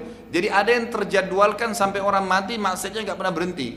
Nanti dibuat lagi jadwal sore apa, jadi luka di perut, luka di dada, luka di punggung, luka di kepala dan dia berusaha tidak kering itu supaya dipegangi sama dia. Begitu cara syaitan merusak kita, gitu kan? Nah, subhanallah banyak orang tidak sadar dia sedang diikat sama syaitan dengan perbuatan atau dihiasi dengan perbuatan tersebut. Ini bahaya sekali. Dan saya kembali ingatkan lagi, setiap kali kita biarkan maksiat itu ada dalam diri kita, gitu kan? Maka pastikan ada dua timbangan, ada timbangan pahala, ada timbangan dosa. Kalau dosa kita masih berimbang dengan pahalanya, apalagi kalau dosanya lebih besar, maka di sebelah pahala itu ada namanya juga ya red kekhusyuan, red keimanan. Kayak misalnya lihat orang mati kita bisa nangis ingat juga kematian, ayat-ayat tentang surga kita nangis, kita selalu rindu ingin akhirat, merasa rugi kalau ketinggalan ibadah. Itu namanya red kekhusyuan. Bagaimana caranya supaya khusyuk ini ada?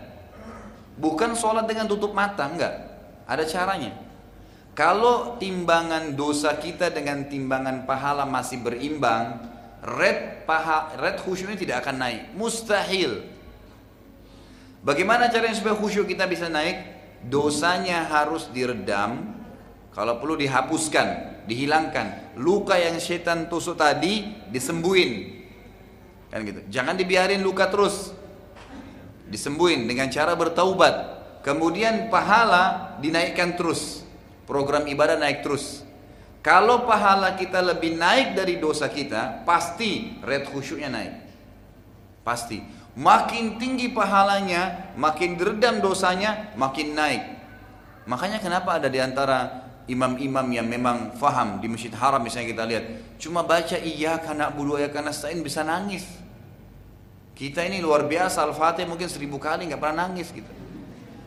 Ini iya karena budua iya karena sa'i nangis gitu. Saya pernah umroh Ramadan lagi sa'i pas waktu itu masih kuliah di Madinah gitu kan. Kemudian lagi sa'i pas sholat terawih sudah berjalan gitu. Saya waktu itu mau selesaikan supaya saya bisa ikut. Syekh Syurem waktu itu saya masih ingat. Dia baca iya karena budu nangis.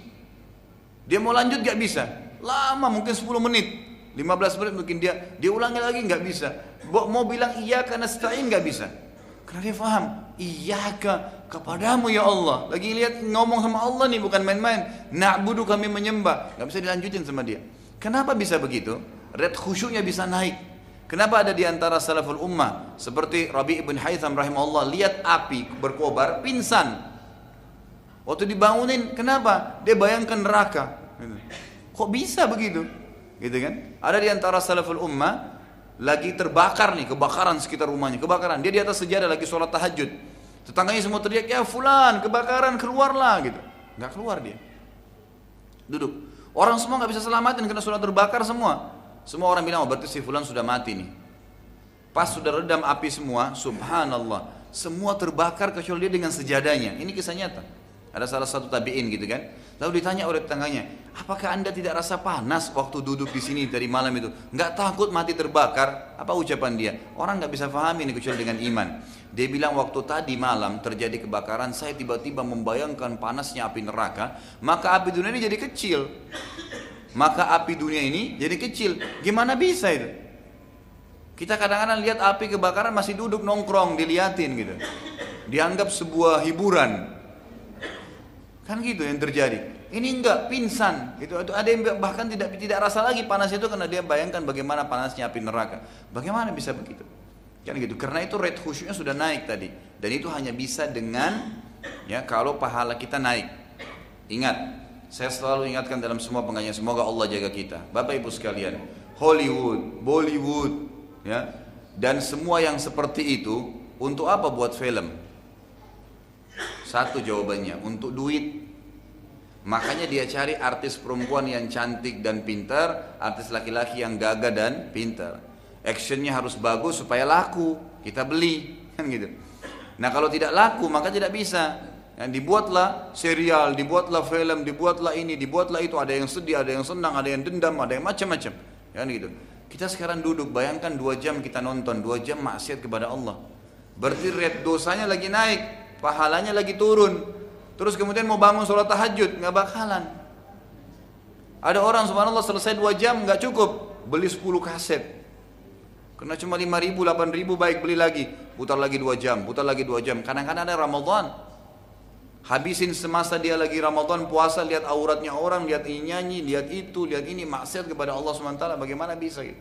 Maka tidak akan pernah orang begini dia mulia tetangganya mati kah, orang tuanya mati nggak tersentuh. nggak bisa karena khusyuknya tidak naik selama dosanya masih ya mengalahkan pahalanya. Maka tutup kerannya dan selalu begini, saya kasih kata kuncinya, kata rahasianya Bapak Ibu sekalian. Kalau Anda digoda syaitan untuk berbuat maksiat, bilang begini, kalau saya tidak buat, kenapa? Kalau saya tidak nonton, kenapa? Mata saya keluar? Enggak kan? Enggak ada masalah. Ibu-ibu biasa gitu, wah sinetron ini serialnya saya yang ketinggalan. Kenapa kalau nggak nonton? Sampai saya pernah ketemu sama salah satu orang media gitu kan. Saya bilang kenapa sih harus film-film ini diangkat sinetron? Kadang-kadang khurafat. Kalau masih berita-berita yang benar masih mending ini bohongan gitu. Seperti kisah mak lampir lah, kisah inilah gitu. Dia bilang kebetulan dia waktu itu kerja di perusahaan yang buat film itu gitu. Dia bilang begini Ustaz. Yang minta dibuat serial mak lampir bersambung sampai ratusan itu pemirsa, penontonnya. Jadi sudah habis, ini sudah mati mak lampir, terpaksa dibuat hidup lagi. Karena permintaan orang telepon, kisah Mak Nabil sudah sampai di mana? Hidupkan lagi kembali, dibuat lagi sinetron. Kita bayar. Untuk apa gitu? Ada apa dengan Mak Lampir dan yang lainnya gitu? Gak ada gunanya, gak ada manfaat sama sekali.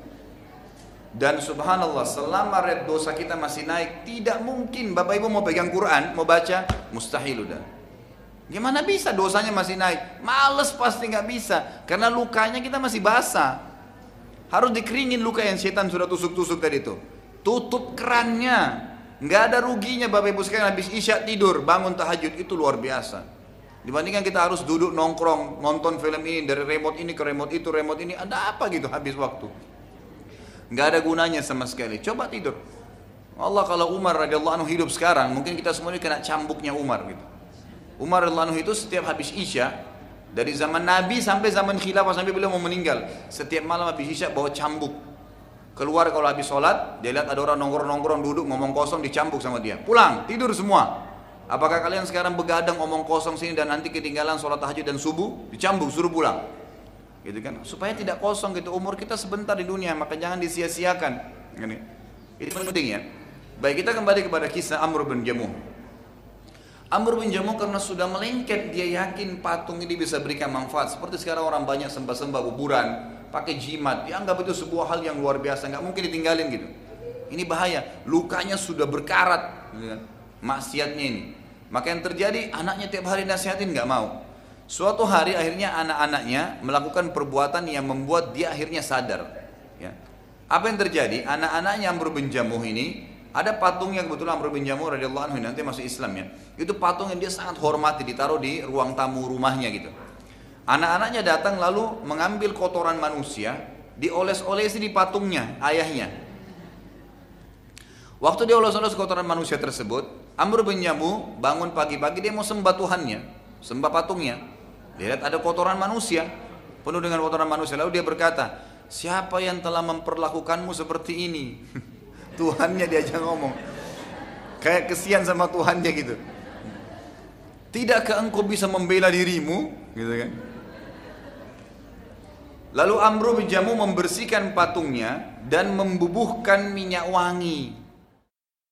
Tuhannya dikasih pakai minyak wangi. Lalu ia kembali menyembahnya. Pada malam hari anak-anak Amr bin Jamu buat lagi sama, kasih lagi kotoran manusia. Waktu dia sudah tidur. Besok pagi dia bangun, dia lihat lagi ada kotoran manusia. Terkejut lagi dia.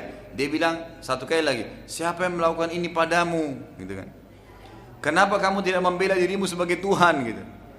Lalu Amru menggantungkan Amr bin Jamu lihat perhatikan ya. Kadang-kadang subhanallah orang dalam keadaan jahil itu syaitan hiasi perbuatannya gitu. Kayak saya heran ada orang kemarin tuh saya ceramah tablik akbar di Surabaya sampai saya diundang pergi ke mana? Ke apa? Sidoarjo. Kemudian ada beberapa panggilan di tempat-tempat tertentu gitu kan di daerah Malang juga. Nah pada saat saya tiba di situ saya kebetulan lihat waktu mau ceramah di masjid gitu. Ada mobil-mobil truk truk apa bus-bus besar gitu. Pakai logo-logo yang turun semua bapak ibu pakai baju seragam. Ada yang batik biru, kopiahnya biru, jilbabnya biru. Ada yang hijau, ada yang merah turun berbes-bes. Mau ke mana nih? Saya tanya pengurus masjid. Mau ke mana? Mau ke kuburan Ustaz. Kuburan untuk apa? Kuburan ini kan salah satu wali songo di sini ada. Loh, buat apa mereka di kuburan ziarah? Iya, ziarah dengan embel-embelnya Ustaz. Apa embel-embelnya? Ya minta diberikan kesehatan, diberkahi rezekinya, ini segala. Loh, terus orang yang bes-bes ini ratusan orang, mereka tidak ada yang faham masalah itu, tidak boleh minta ke kuburan. Bukankah Imam Nawawi sudah bilang, saya heran dengan kejahilan orang-orang yang minta ke kuburan, padahal kuburan itu di dalamnya manusia seperti dia yang sudah jadi tulang belulang. Kalau dia yakin kuburan itu bisa berikan manfaat, bagaimana dengan Tuhannya kuburan itu?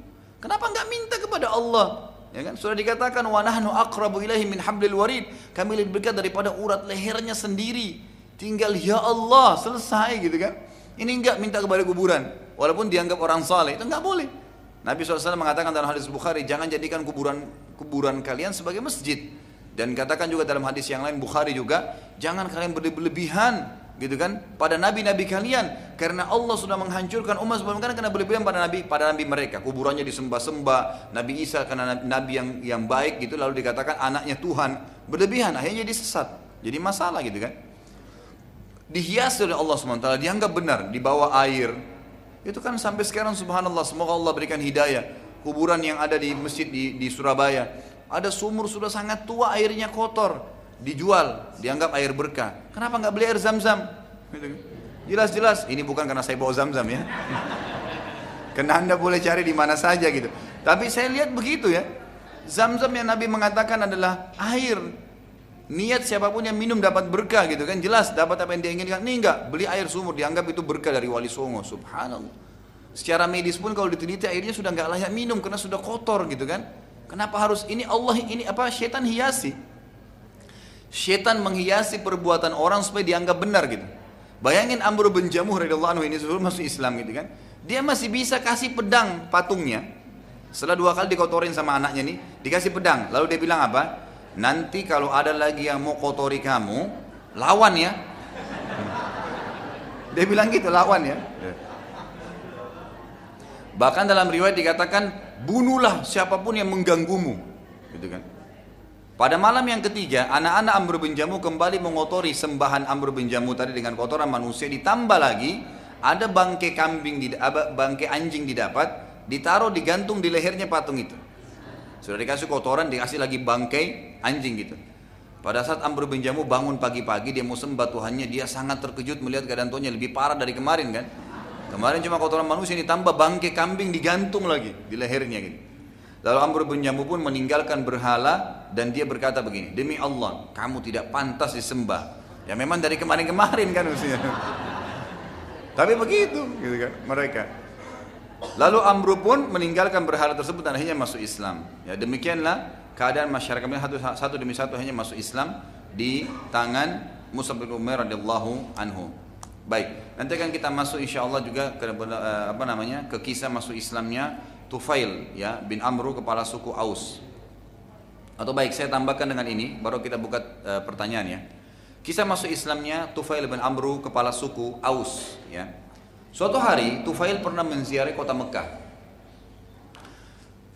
Karena ia kepala suku Aus di Madinah, maka penduduk Mekah pun tokoh-tokoh Mekah menghargainya, dihormatin gitu. Para pemuka Mekah saat menemui Tufail berkata, telah keluar di kota kami seorang penyihir. Ya, jadi Tufail ini bin Amr radhiyallahu anhu, sahabat Nabi kepala suku Aus, datang ke Mekah, disambut oleh tokoh-tokoh Mekah. Jadi teman-teman dekatnya gitu. Yang terjadi adalah semua tokoh-tokoh Quraisy yang menjadi sahabatnya Tufail bilang telah keluar di kota kami ini seorang penyihir yang tidak seorang pun mendengarkan kata-katanya kecuali terpengaruh. Kecuali terpengaruh gitu.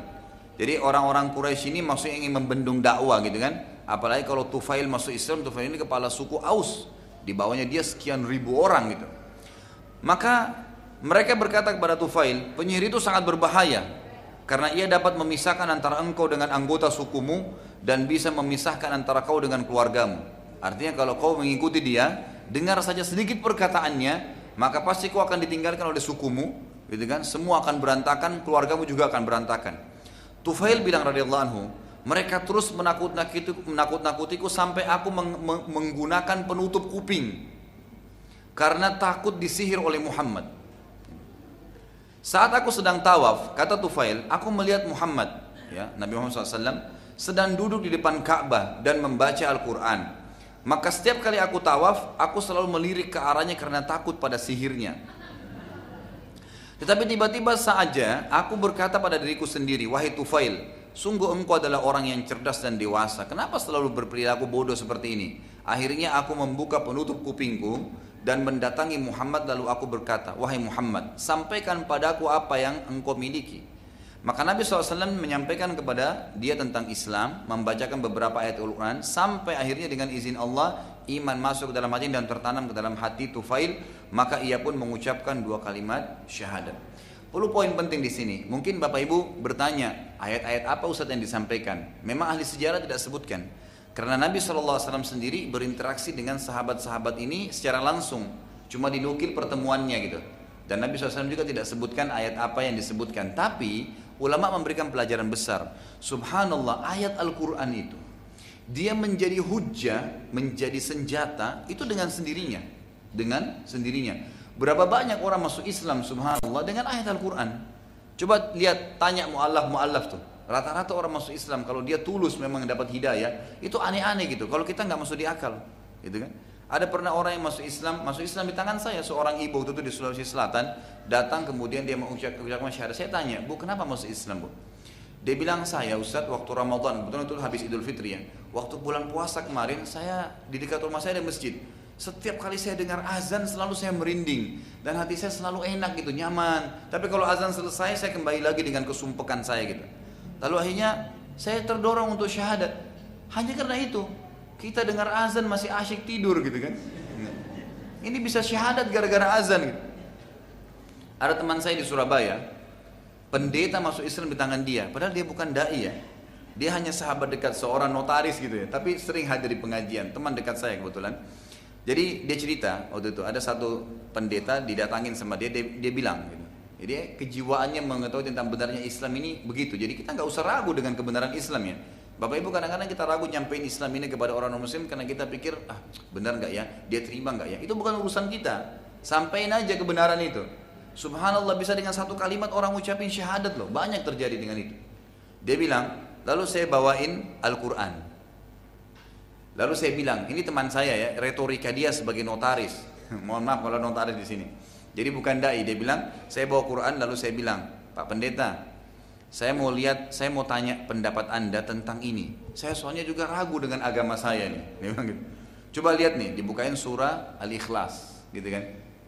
Dia bilang ini ada kalimat di sini yang buat saya terus berbingung dari kecil sampai sekarang gitu. Tulisannya lam yalid walam yulad. Tidak melahirkan, tidak dilahirkan. Terus dia bilang ini terus saya bingung apa ini maksudnya ini. Saya sendiri ragu. Pendetanya dengan semangat bilang, iya mungkin agama kamu memang tidak benar. Gitu kan. Dia bilang gitu. Lalu kemudian dia bilang begini aja pendeta. Anda pegang ini pelajari, kasih buku Anda saya pelajari. Pendetanya keluarin Injil dalam bahasa Indonesia dikasih. Ini ya, kau pelajari. Ini belajar. Sepakat, kita ketemu satu minggu lagi ya. ya. Baik. Ternyata selama seminggu ini Bapak Ibu sekalian pendeta ini terus serius nih Karena untuk ber, nanti sampein gitu kan kesalahannya ayat ini kepada teman saya ini seminggu kemudian. Dia tiap hari baca lam yalid walam yulad, lam yalid walam yulad gitu kan. Tuhan tidak beranak, tidak diperanakkan, tidak beranak. Dan itu memang intinya orang Nasrani kan bilang ada anaknya, gitu kan. Ini benar ya, dia bilang gitu. Tuhan semestinya tidak boleh punya anak, gitu. Nggak boleh juga dia diperanakkan gitu. Nggak ada orang tuanya gitu. Dia bingung sampai subhanallah dengan kalimat itu saja. Sampai kemudian ketemu dia bilang agama kamu yang benar. Dituntun masuk syahadat pendeta masuk Islam.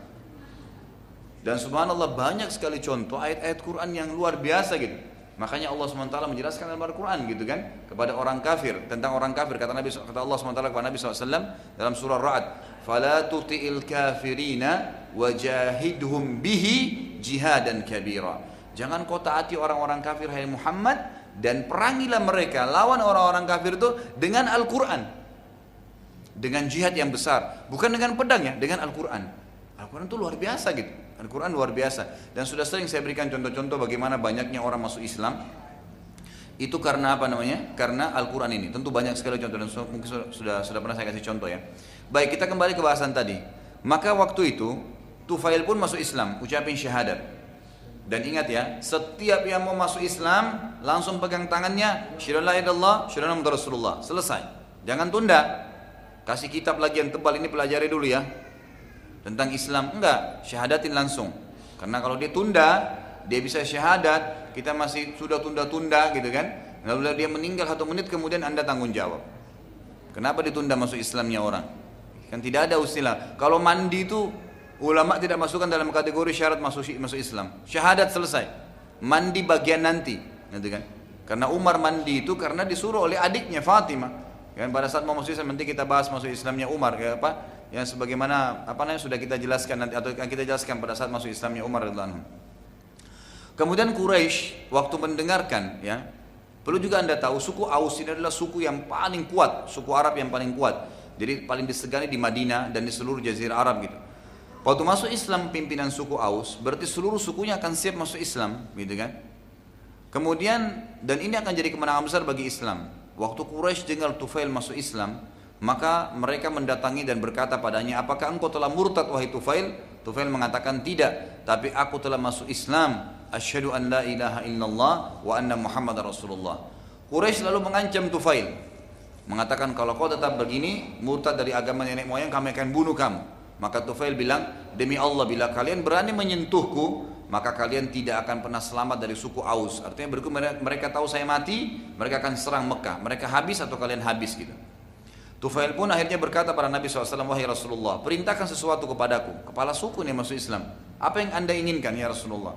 Bila anda ingin, aku akan tinggal bersama anda di sini dan aku akan berperang bersama anda walaupun sendiri. Bagaimana kekuatan iman ya baru masuk Islam sudah begini gitu. Bila anda ingin, aku balik ke kaumku maka aku akan balik. Maka Nabi SAW berkata kepada Tufail, pulanglah dan dakwahilah kaummu. Ajak saja kepada kalimat tauhid. Bahasakan ada Tuhan Allah, satu, boleh sembah berhala. Sudah dan saya adalah utusan Allah itu saja dakwanya, dua kalimat syahadat. Belum ada perintah apa-apa pada saat itu. Tufail pun balik ke Madinah dan dalam perjalanan ini disebutkan oleh para ulama dalam buku-buku hadis tentunya riwayat ini riwayat sahih bagaimana ada muji, eh, apa ada karamatil aulia ada Allah SWT berikan kepada wali-walinya gitu kan yang dekat dengannya tapi dia tidak tahu tentang masalah itu diberikan karamat. Ya bukan seperti sebagian orang dia mengaku punya karamat pada sebenarnya dia tak dia bilang saya punya karamat ini saya begini saya begitu. Itu tidak benar. Di antaranya diangkat oleh para ulama kisah Tufail ini. Jadi Tufail itu sudah ucapkan syahadat saking tulusnya dia masuk Islam. Waktu dia pulang ke Madinah maka dari dahinya itu keluar cahaya. Dari dahinya keluar cahaya menerangi jalannya menuju ke Madinah. Gitu kan maka pada saat itu dia berkata dia, dia lihat ada terang cahaya dia perhatikan ternyata dari dahinya gitu kan Lalu dia bilang, Ya Allah, kalau seandainya engkau membiarkan cahaya ini terus ada padaku, maka bisa saja kaumku berkata bahwasanya Tufail justru justru telah dihukum oleh nenek moyangnya karena dia meninggalkan agama nenek moyang tersebut. Maka Allah Azza wa pun memindahkan cahaya itu ke ujung pecut kudanya. Jadi penerang jalannya gitu. Saat Tufail tiba di Madinah, langsung dia mengumpulkan keluarganya pertama dan ini hal yang positif ya. Kalau anda sudah belajar tentang sunnah, belajar tentang agama yang benar, jangan tunda. Kumpulin keluarga langsung tanyain gitu.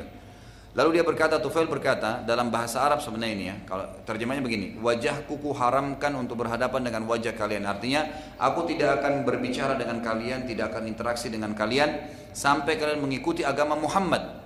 Keluarganya lalu penasaran, apa itu agama Muhammad? Lalu Tufail pun menjelaskan tentang Islam kepada mereka tentang dua kalimat syahadat saja. Beriman tentang pencipta langit, bumi, udara, air, batu adalah Allah. Kita hanya tunduk, patuh dan takut kepadanya. Serta Allah mengutus utusan seseorang yang bernama Muhammad. Maka itu diikuti alaihi salatu wassalam. Maka yang terjadi seluruh keluarga Tufail pun masuk Islam. Lalu Tufail mulai mendakwai kaumnya satu persatu sampai hijrahnya Nabi SAW ke Madinah sementara seluruh sukunya sudah masuk Islam, sudah masuk Islam. Dan ini satu hal yang luar biasa. Bagaimana ya eh, apa namanya perilaku Tufail ini hampir sama dengan perilaku Abu Bakar radhiyallahu anhu yang mana uh, beliau pada saat masuk Islam tidak menunda langsung mendakwakan Islam itu sehingga bisa ya menyebar ke mana-mana dan menjadi amal jariah buat mereka. Kurang lebih ini Bapak Ibu sekalian kita bisa sampaikan. Pada kesempatan ini insya Allah kita akan lanjutkan lagi pertemuan akan datang nanti dengan uh, uh, beberapa atau perkembangan dakwah Nabi SAW di uh, Mekah sampai sebelum hijrah ke Madinah nantinya. Mungkin sampai sini dulu. Kalau ada yang mau bertanya silahkan. Apa itu? Referensi sirah. Banyak, cukup banyak referensi sirah ya. Uh, kalau tidak salah pernah juga saya tinggalkan kepada panitia tulisan saya ini nanti bisa diambil. Kalau mau pakai buku-buku banyak, seperti ada uh, buku tentang Sirah Nabawiyah yang diterbitin oleh banyak penerbit sih di Jakarta ya. Tapi ada di situ selalu ditulis uh, yang ditulis oleh uh, Habibur Rahman, gitu kan orang yang uh, mendapatkan juara satu da, oleh Rabita Alam Islam untuk diadakan perlombaan menulis Sirah Nabawiyah, menulis Sirah Nabawiyah. Itu di antara referensi. Dan cukup banyak ya buku-buku sirah, buku-buku sirah. Hampir semuanya buku sirah insya Allah bisa dipakai seperti sirah Ibnu Hisham gitu kan. Tapi saya sarankan agar tidak uh, tidak menjabar ke mana-mana. Seperti misalnya ada banyak orang-orang Islam juga belajar sirah ini dari orang-orang Barat, dari para orang-orang yang talis itu nggak benar, gitu kan? Ada di antara mereka yang kadang-kadang menyebutkan tentang kebohongan-kebohongan, bahkan menghina Nabi SAW seperti kenapa Nabi poligami, ya kemudian menghina kehidupan Eh, sebagian kehidupan Nabi Shallallahu Alaihi Wasallam gitu kan itu semua tidak benar. Jadi cukup buku sirah itu Ibnu Hisham ada terjemahan bahasa Indonesia tapi saya tidak ingat uh, apa namanya penerbitnya apa dengan tulisan uh, Habibur Rahman tentang masalah apa namanya sirah nabawiyah tadi. Ustaz saya ingin tahu bahwasanya saya ingin tahu Islam itu terbagi 73 golongan. Satu golongan akan masuk surga dan 72 akan masuk neraka. Mohon dalilnya uh, hadis sahih atau tidak gitu. Ini sudah pernah kita jelaskan ya. Hadisnya sahih dan cukup banyak ini. Riwayatkan oleh ahli sunan, Al-Hakim dalam Mustadrak, Al-Baihaqi ya, dalam Sunan Al-Kubra menyebutkan semua riwayat ini bahwasanya Nabi SAW bersabda akan terpercaya umat uh, Yahudi 71, Nasrani 70 dan umatku 73 dan semua akan neraka. Makna hadis, makna kalimat, tenang dulu, Makna kalimat yang mengatakan 73 umat 73 golongan dan semua akan masuk neraka. Artinya semua akan melintasi neraka tapi nanti masuk surga. Kecuali satu yang masuk surga tanpa hisap, tanpa neraka. Nanti mereka langsung masuk. Jadi yang lainnya bukan berarti masuk neraka kekal, tidak. Dan ini menandakan bahwasanya kelompok-kelompok Islam itu karena mereka berbuat masalah seperti berbuat bid'ah misalnya, mereka masuk neraka dulu gitu kan nantinya. Tapi tetap masuk surga, tetap masuk ke dalam surga. Karena memang ya kata sabda Nabi SAW yang mengatakan semua masuk neraka artinya semua akan lewat ke neraka kecuali satu yang masuk tanpa hisab tanpa neraka lagi gitu kan. Lalu sahabat bertanya siapa mereka? Kata Nabi SAW ya itu yang apa namanya uh, uh, yang yang mengikuti aku dan para sahabatku. Dan buku tadi yang saya bilang ini ya yang mereka lah golongan yang selamat membahas panjang lebar tentang hadis itu. Baik. Ustaz bagaimana hukumnya mengucapkan selamat Natal? Sebentar lagi ya. Baik. Ada salah satu program sekarang di gereja. Itu diprogramkan ya, diprogramkan di gereja itu. Dari puluh Anda tahu. Pendeta-pendetanya sekarang dan pastor itu menekankan kejamaahnya agar mengucapkan selamat lebaran untuk kaum muslimin. Ada alasannya. Bahkan di gereja dipasang spanduk Selamat Idul Fitri supaya umat Islam melakukan hal yang sama. Ingat, mereka mengucapkan selamat pada kita, artinya memberikan dukungan terhadap agama kita, itu nggak ada masalah. Tapi kita nggak boleh memberikan dukungan agama mereka. Kenapa? Jelas. Sabda Nabi Shallallahu Alaihi Wasallam, kalau ahli kitab sedang merayakan hari raya mereka atau sedang berada di tempat ibadah mereka, jauhilah karena laknat Allah sedang turun pada mereka. Hadis sahih riwayat Abu Daud, diriwayatkan Imam Ahmad juga. Ini nggak boleh memang. Jadi nggak boleh kita ucapin karena itu memberikan dukungan. Tidak boleh datang, apalagi kalau datang, gitu kan? Itu tidak boleh. Lalu anda bilang mungkin, Ustadz bagaimana caranya ya? Itu kalau atasan saya, itu kalau kerabat saya, itu tetangga saya, saudaraku, anda muslim. Dan anda harus yakin tentang kebenaran islami. Dan kita harus tunjukkan prinsip dasar. Mana boleh, mana nggak boleh. Bukan kita toleransi tinggalin agama kita karena keyakinannya orang lain nggak bisa. Maaf ya, dihidangkan babi, nggak bisa. Agama saya haramin, saya nggak akan makan. Emang gitu. gitu. Kita tunjukin jangan oh karena nggak enak nggak apa-apa deh incipin dikit. Lo nggak boleh haram gimana? Prinsip agama supaya orang tahu dan subhanallah semua orang yang berprinsip dalam agamanya itu Allah pasti Allah akan jaga dan orang akan segan dengan dia. Tunjukkan prinsip memang nggak boleh, gitu kan? Pernah terjadi pertemuan antara seorang anak muda, dua orang anak muda, satu Nasrani, satu Muslim gitu. Yang anak muda Nasraninya ini bilang, e, kenapa apa kenapa kau ini tidak kenapa kalian tidak mau ucapkan selamat Natal pada kami? Apa sebabnya gitu? Bukankah itu cuma kata-kata? Kata si Muslim, ditanya kembali, e, kenapa kau tidak syahadat? Lalu dia, yang Nasrani bilang, e, ya ya kalau saya syahadat saya tinggalkan agama saya berarti. Kata si Muslim, bukankah itu cuma kata-kata? Sama.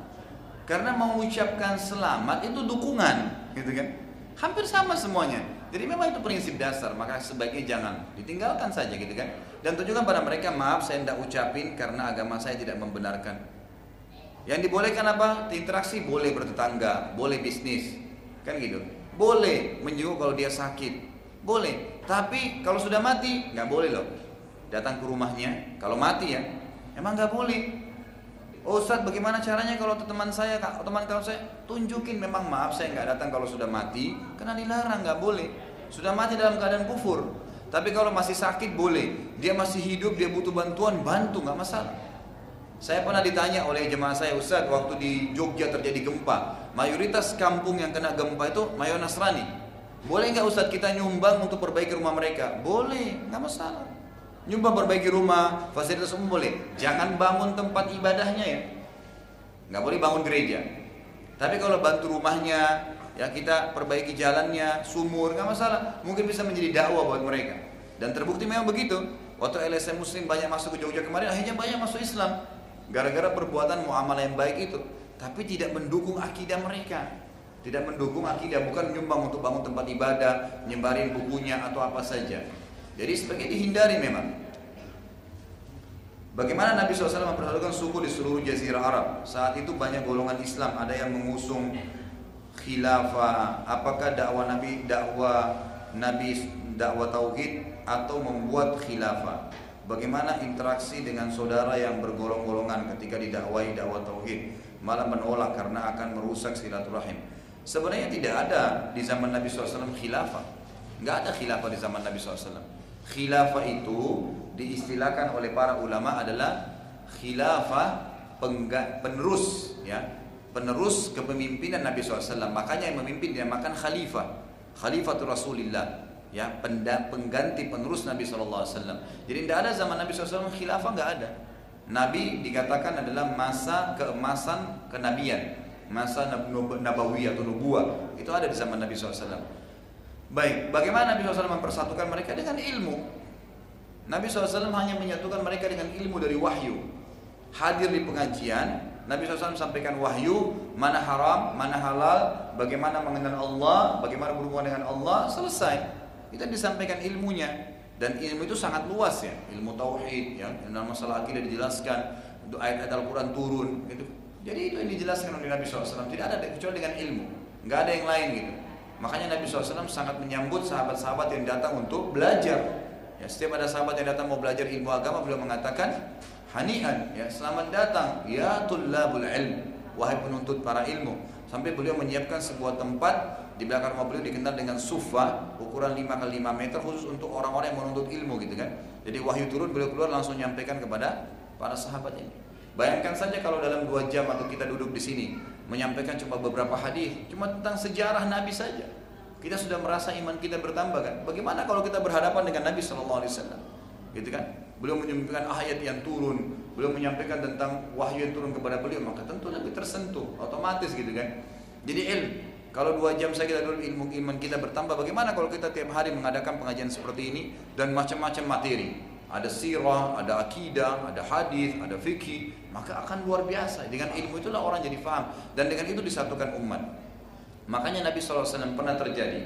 Kalau anda bicara tentang perbincangan umat sekarang, ini semua muncul karena satu penyebab. Kejahilan dan fanatisme. Jahil dan ilmu agama ditambah fanatik lagi dengan kejahilan itu. Ini yang jadi masalah. Makanya Nabi SAW pernah dalam hadis Bukhari, ini kejadian begini, sederhana sekali. Orang-orang Ansar di Madinah, setelah hijrah Madinah, sahabat sudah banyak belajar wahyu gitu. Orang-orang Ansar bilang gini, iseng, bercanda gitu. Lagi selesai sholat, ngumpul-ngumpul, semua sahabat muhajirin dan Ansar. Ada satu orang Ansar bilang begini, ayo orang-orang Ansar kumpul yuk di sini. Muhajirin nggak boleh ikut ya, bercanda gitu. Kayak misalnya di masjid bilang, ayo orang-orang Jakarta ke kanan ya, yang Bekasi sebelah kiri. Misal, ayo sini, bercanda aja gitu. Lalu orang-orang ada satu orang muhajirin bilang begini, dia lihat bercanda, dia sambil senyum dia mengatakan, ayo muhajirin sebelah sini yuk, Ansar nggak usah ikut. Anda tahu apa yang terjadi? Waktu Nabi SAW dengar itu dan beliau keluar, langsung beliau mengatakan, Da'ha fa innaha mumtina. Tinggalkan ini, ini perusak kalian nih. Bermula dari sini.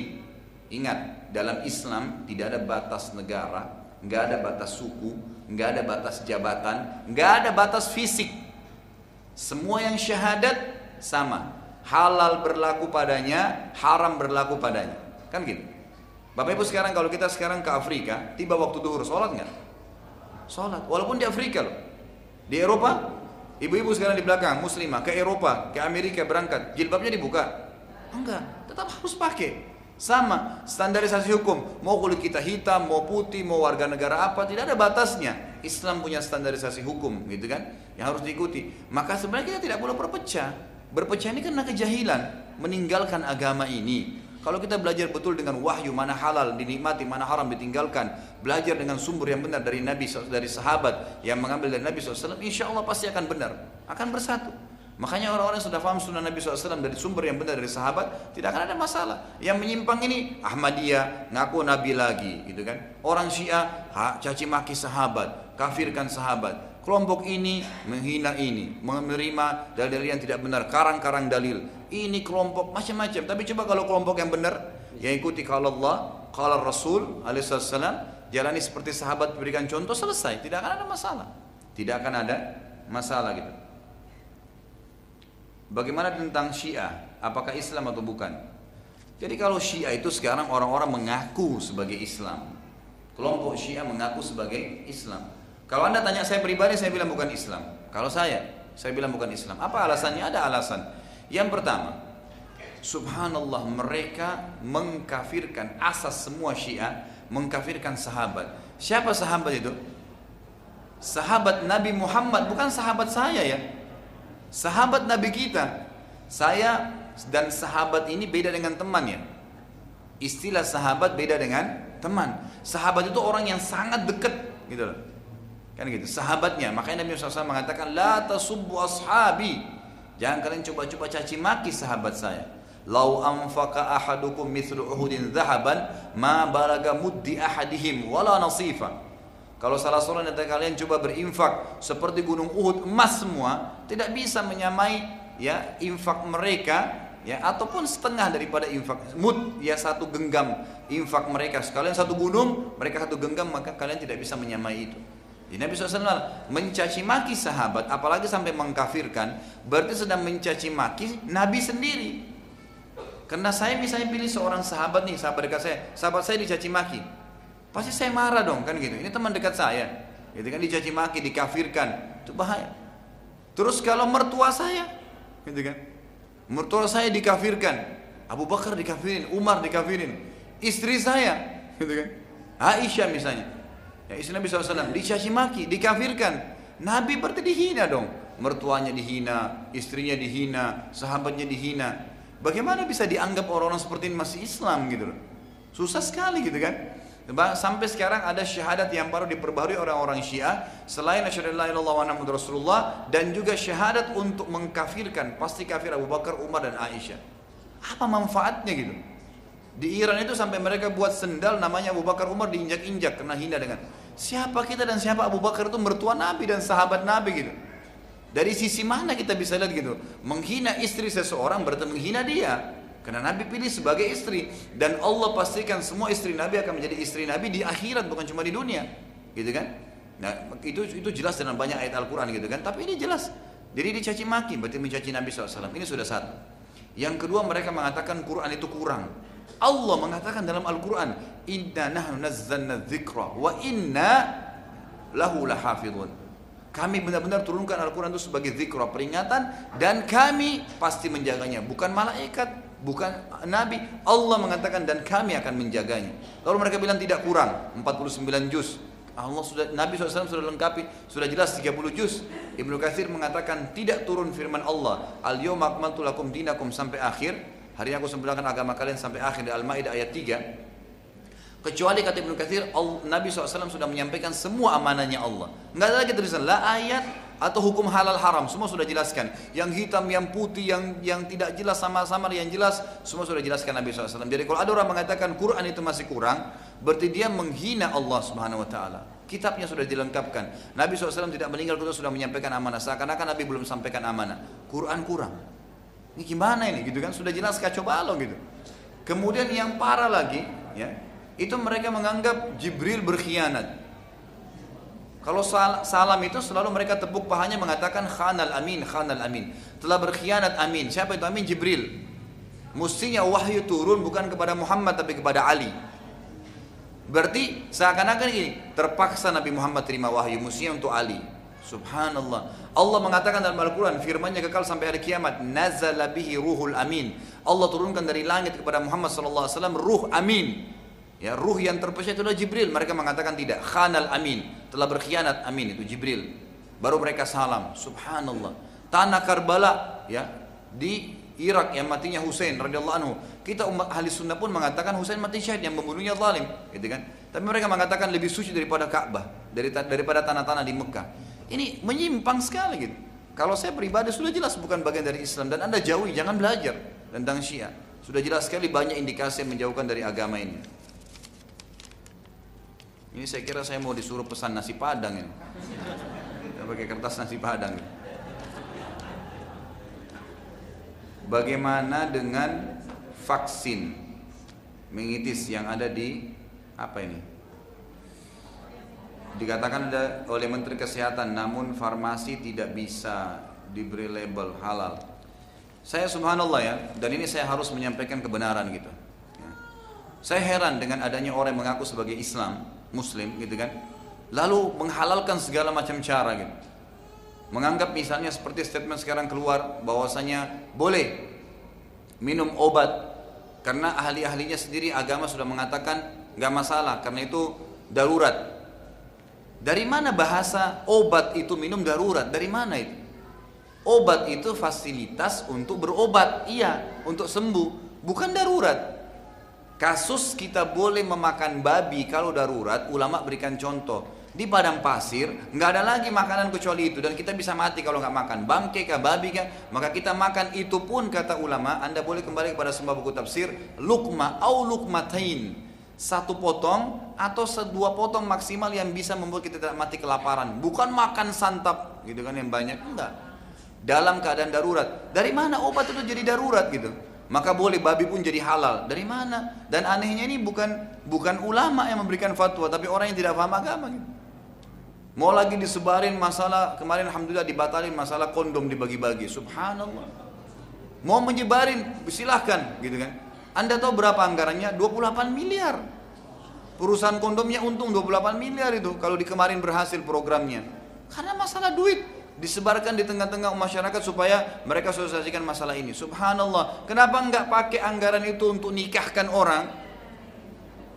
Kenapa nggak panggil anak muda ayo daripada kumpul kebun ini nikah, dinikahin oleh pemerintah resmi, panggil orang tuanya, biayai. Itu benar gitu kan.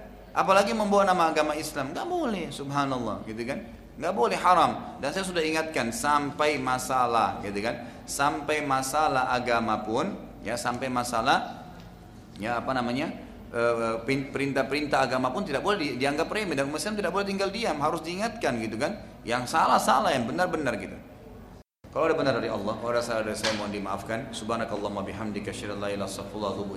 Wassalamualaikum warahmatullahi wabarakatuh.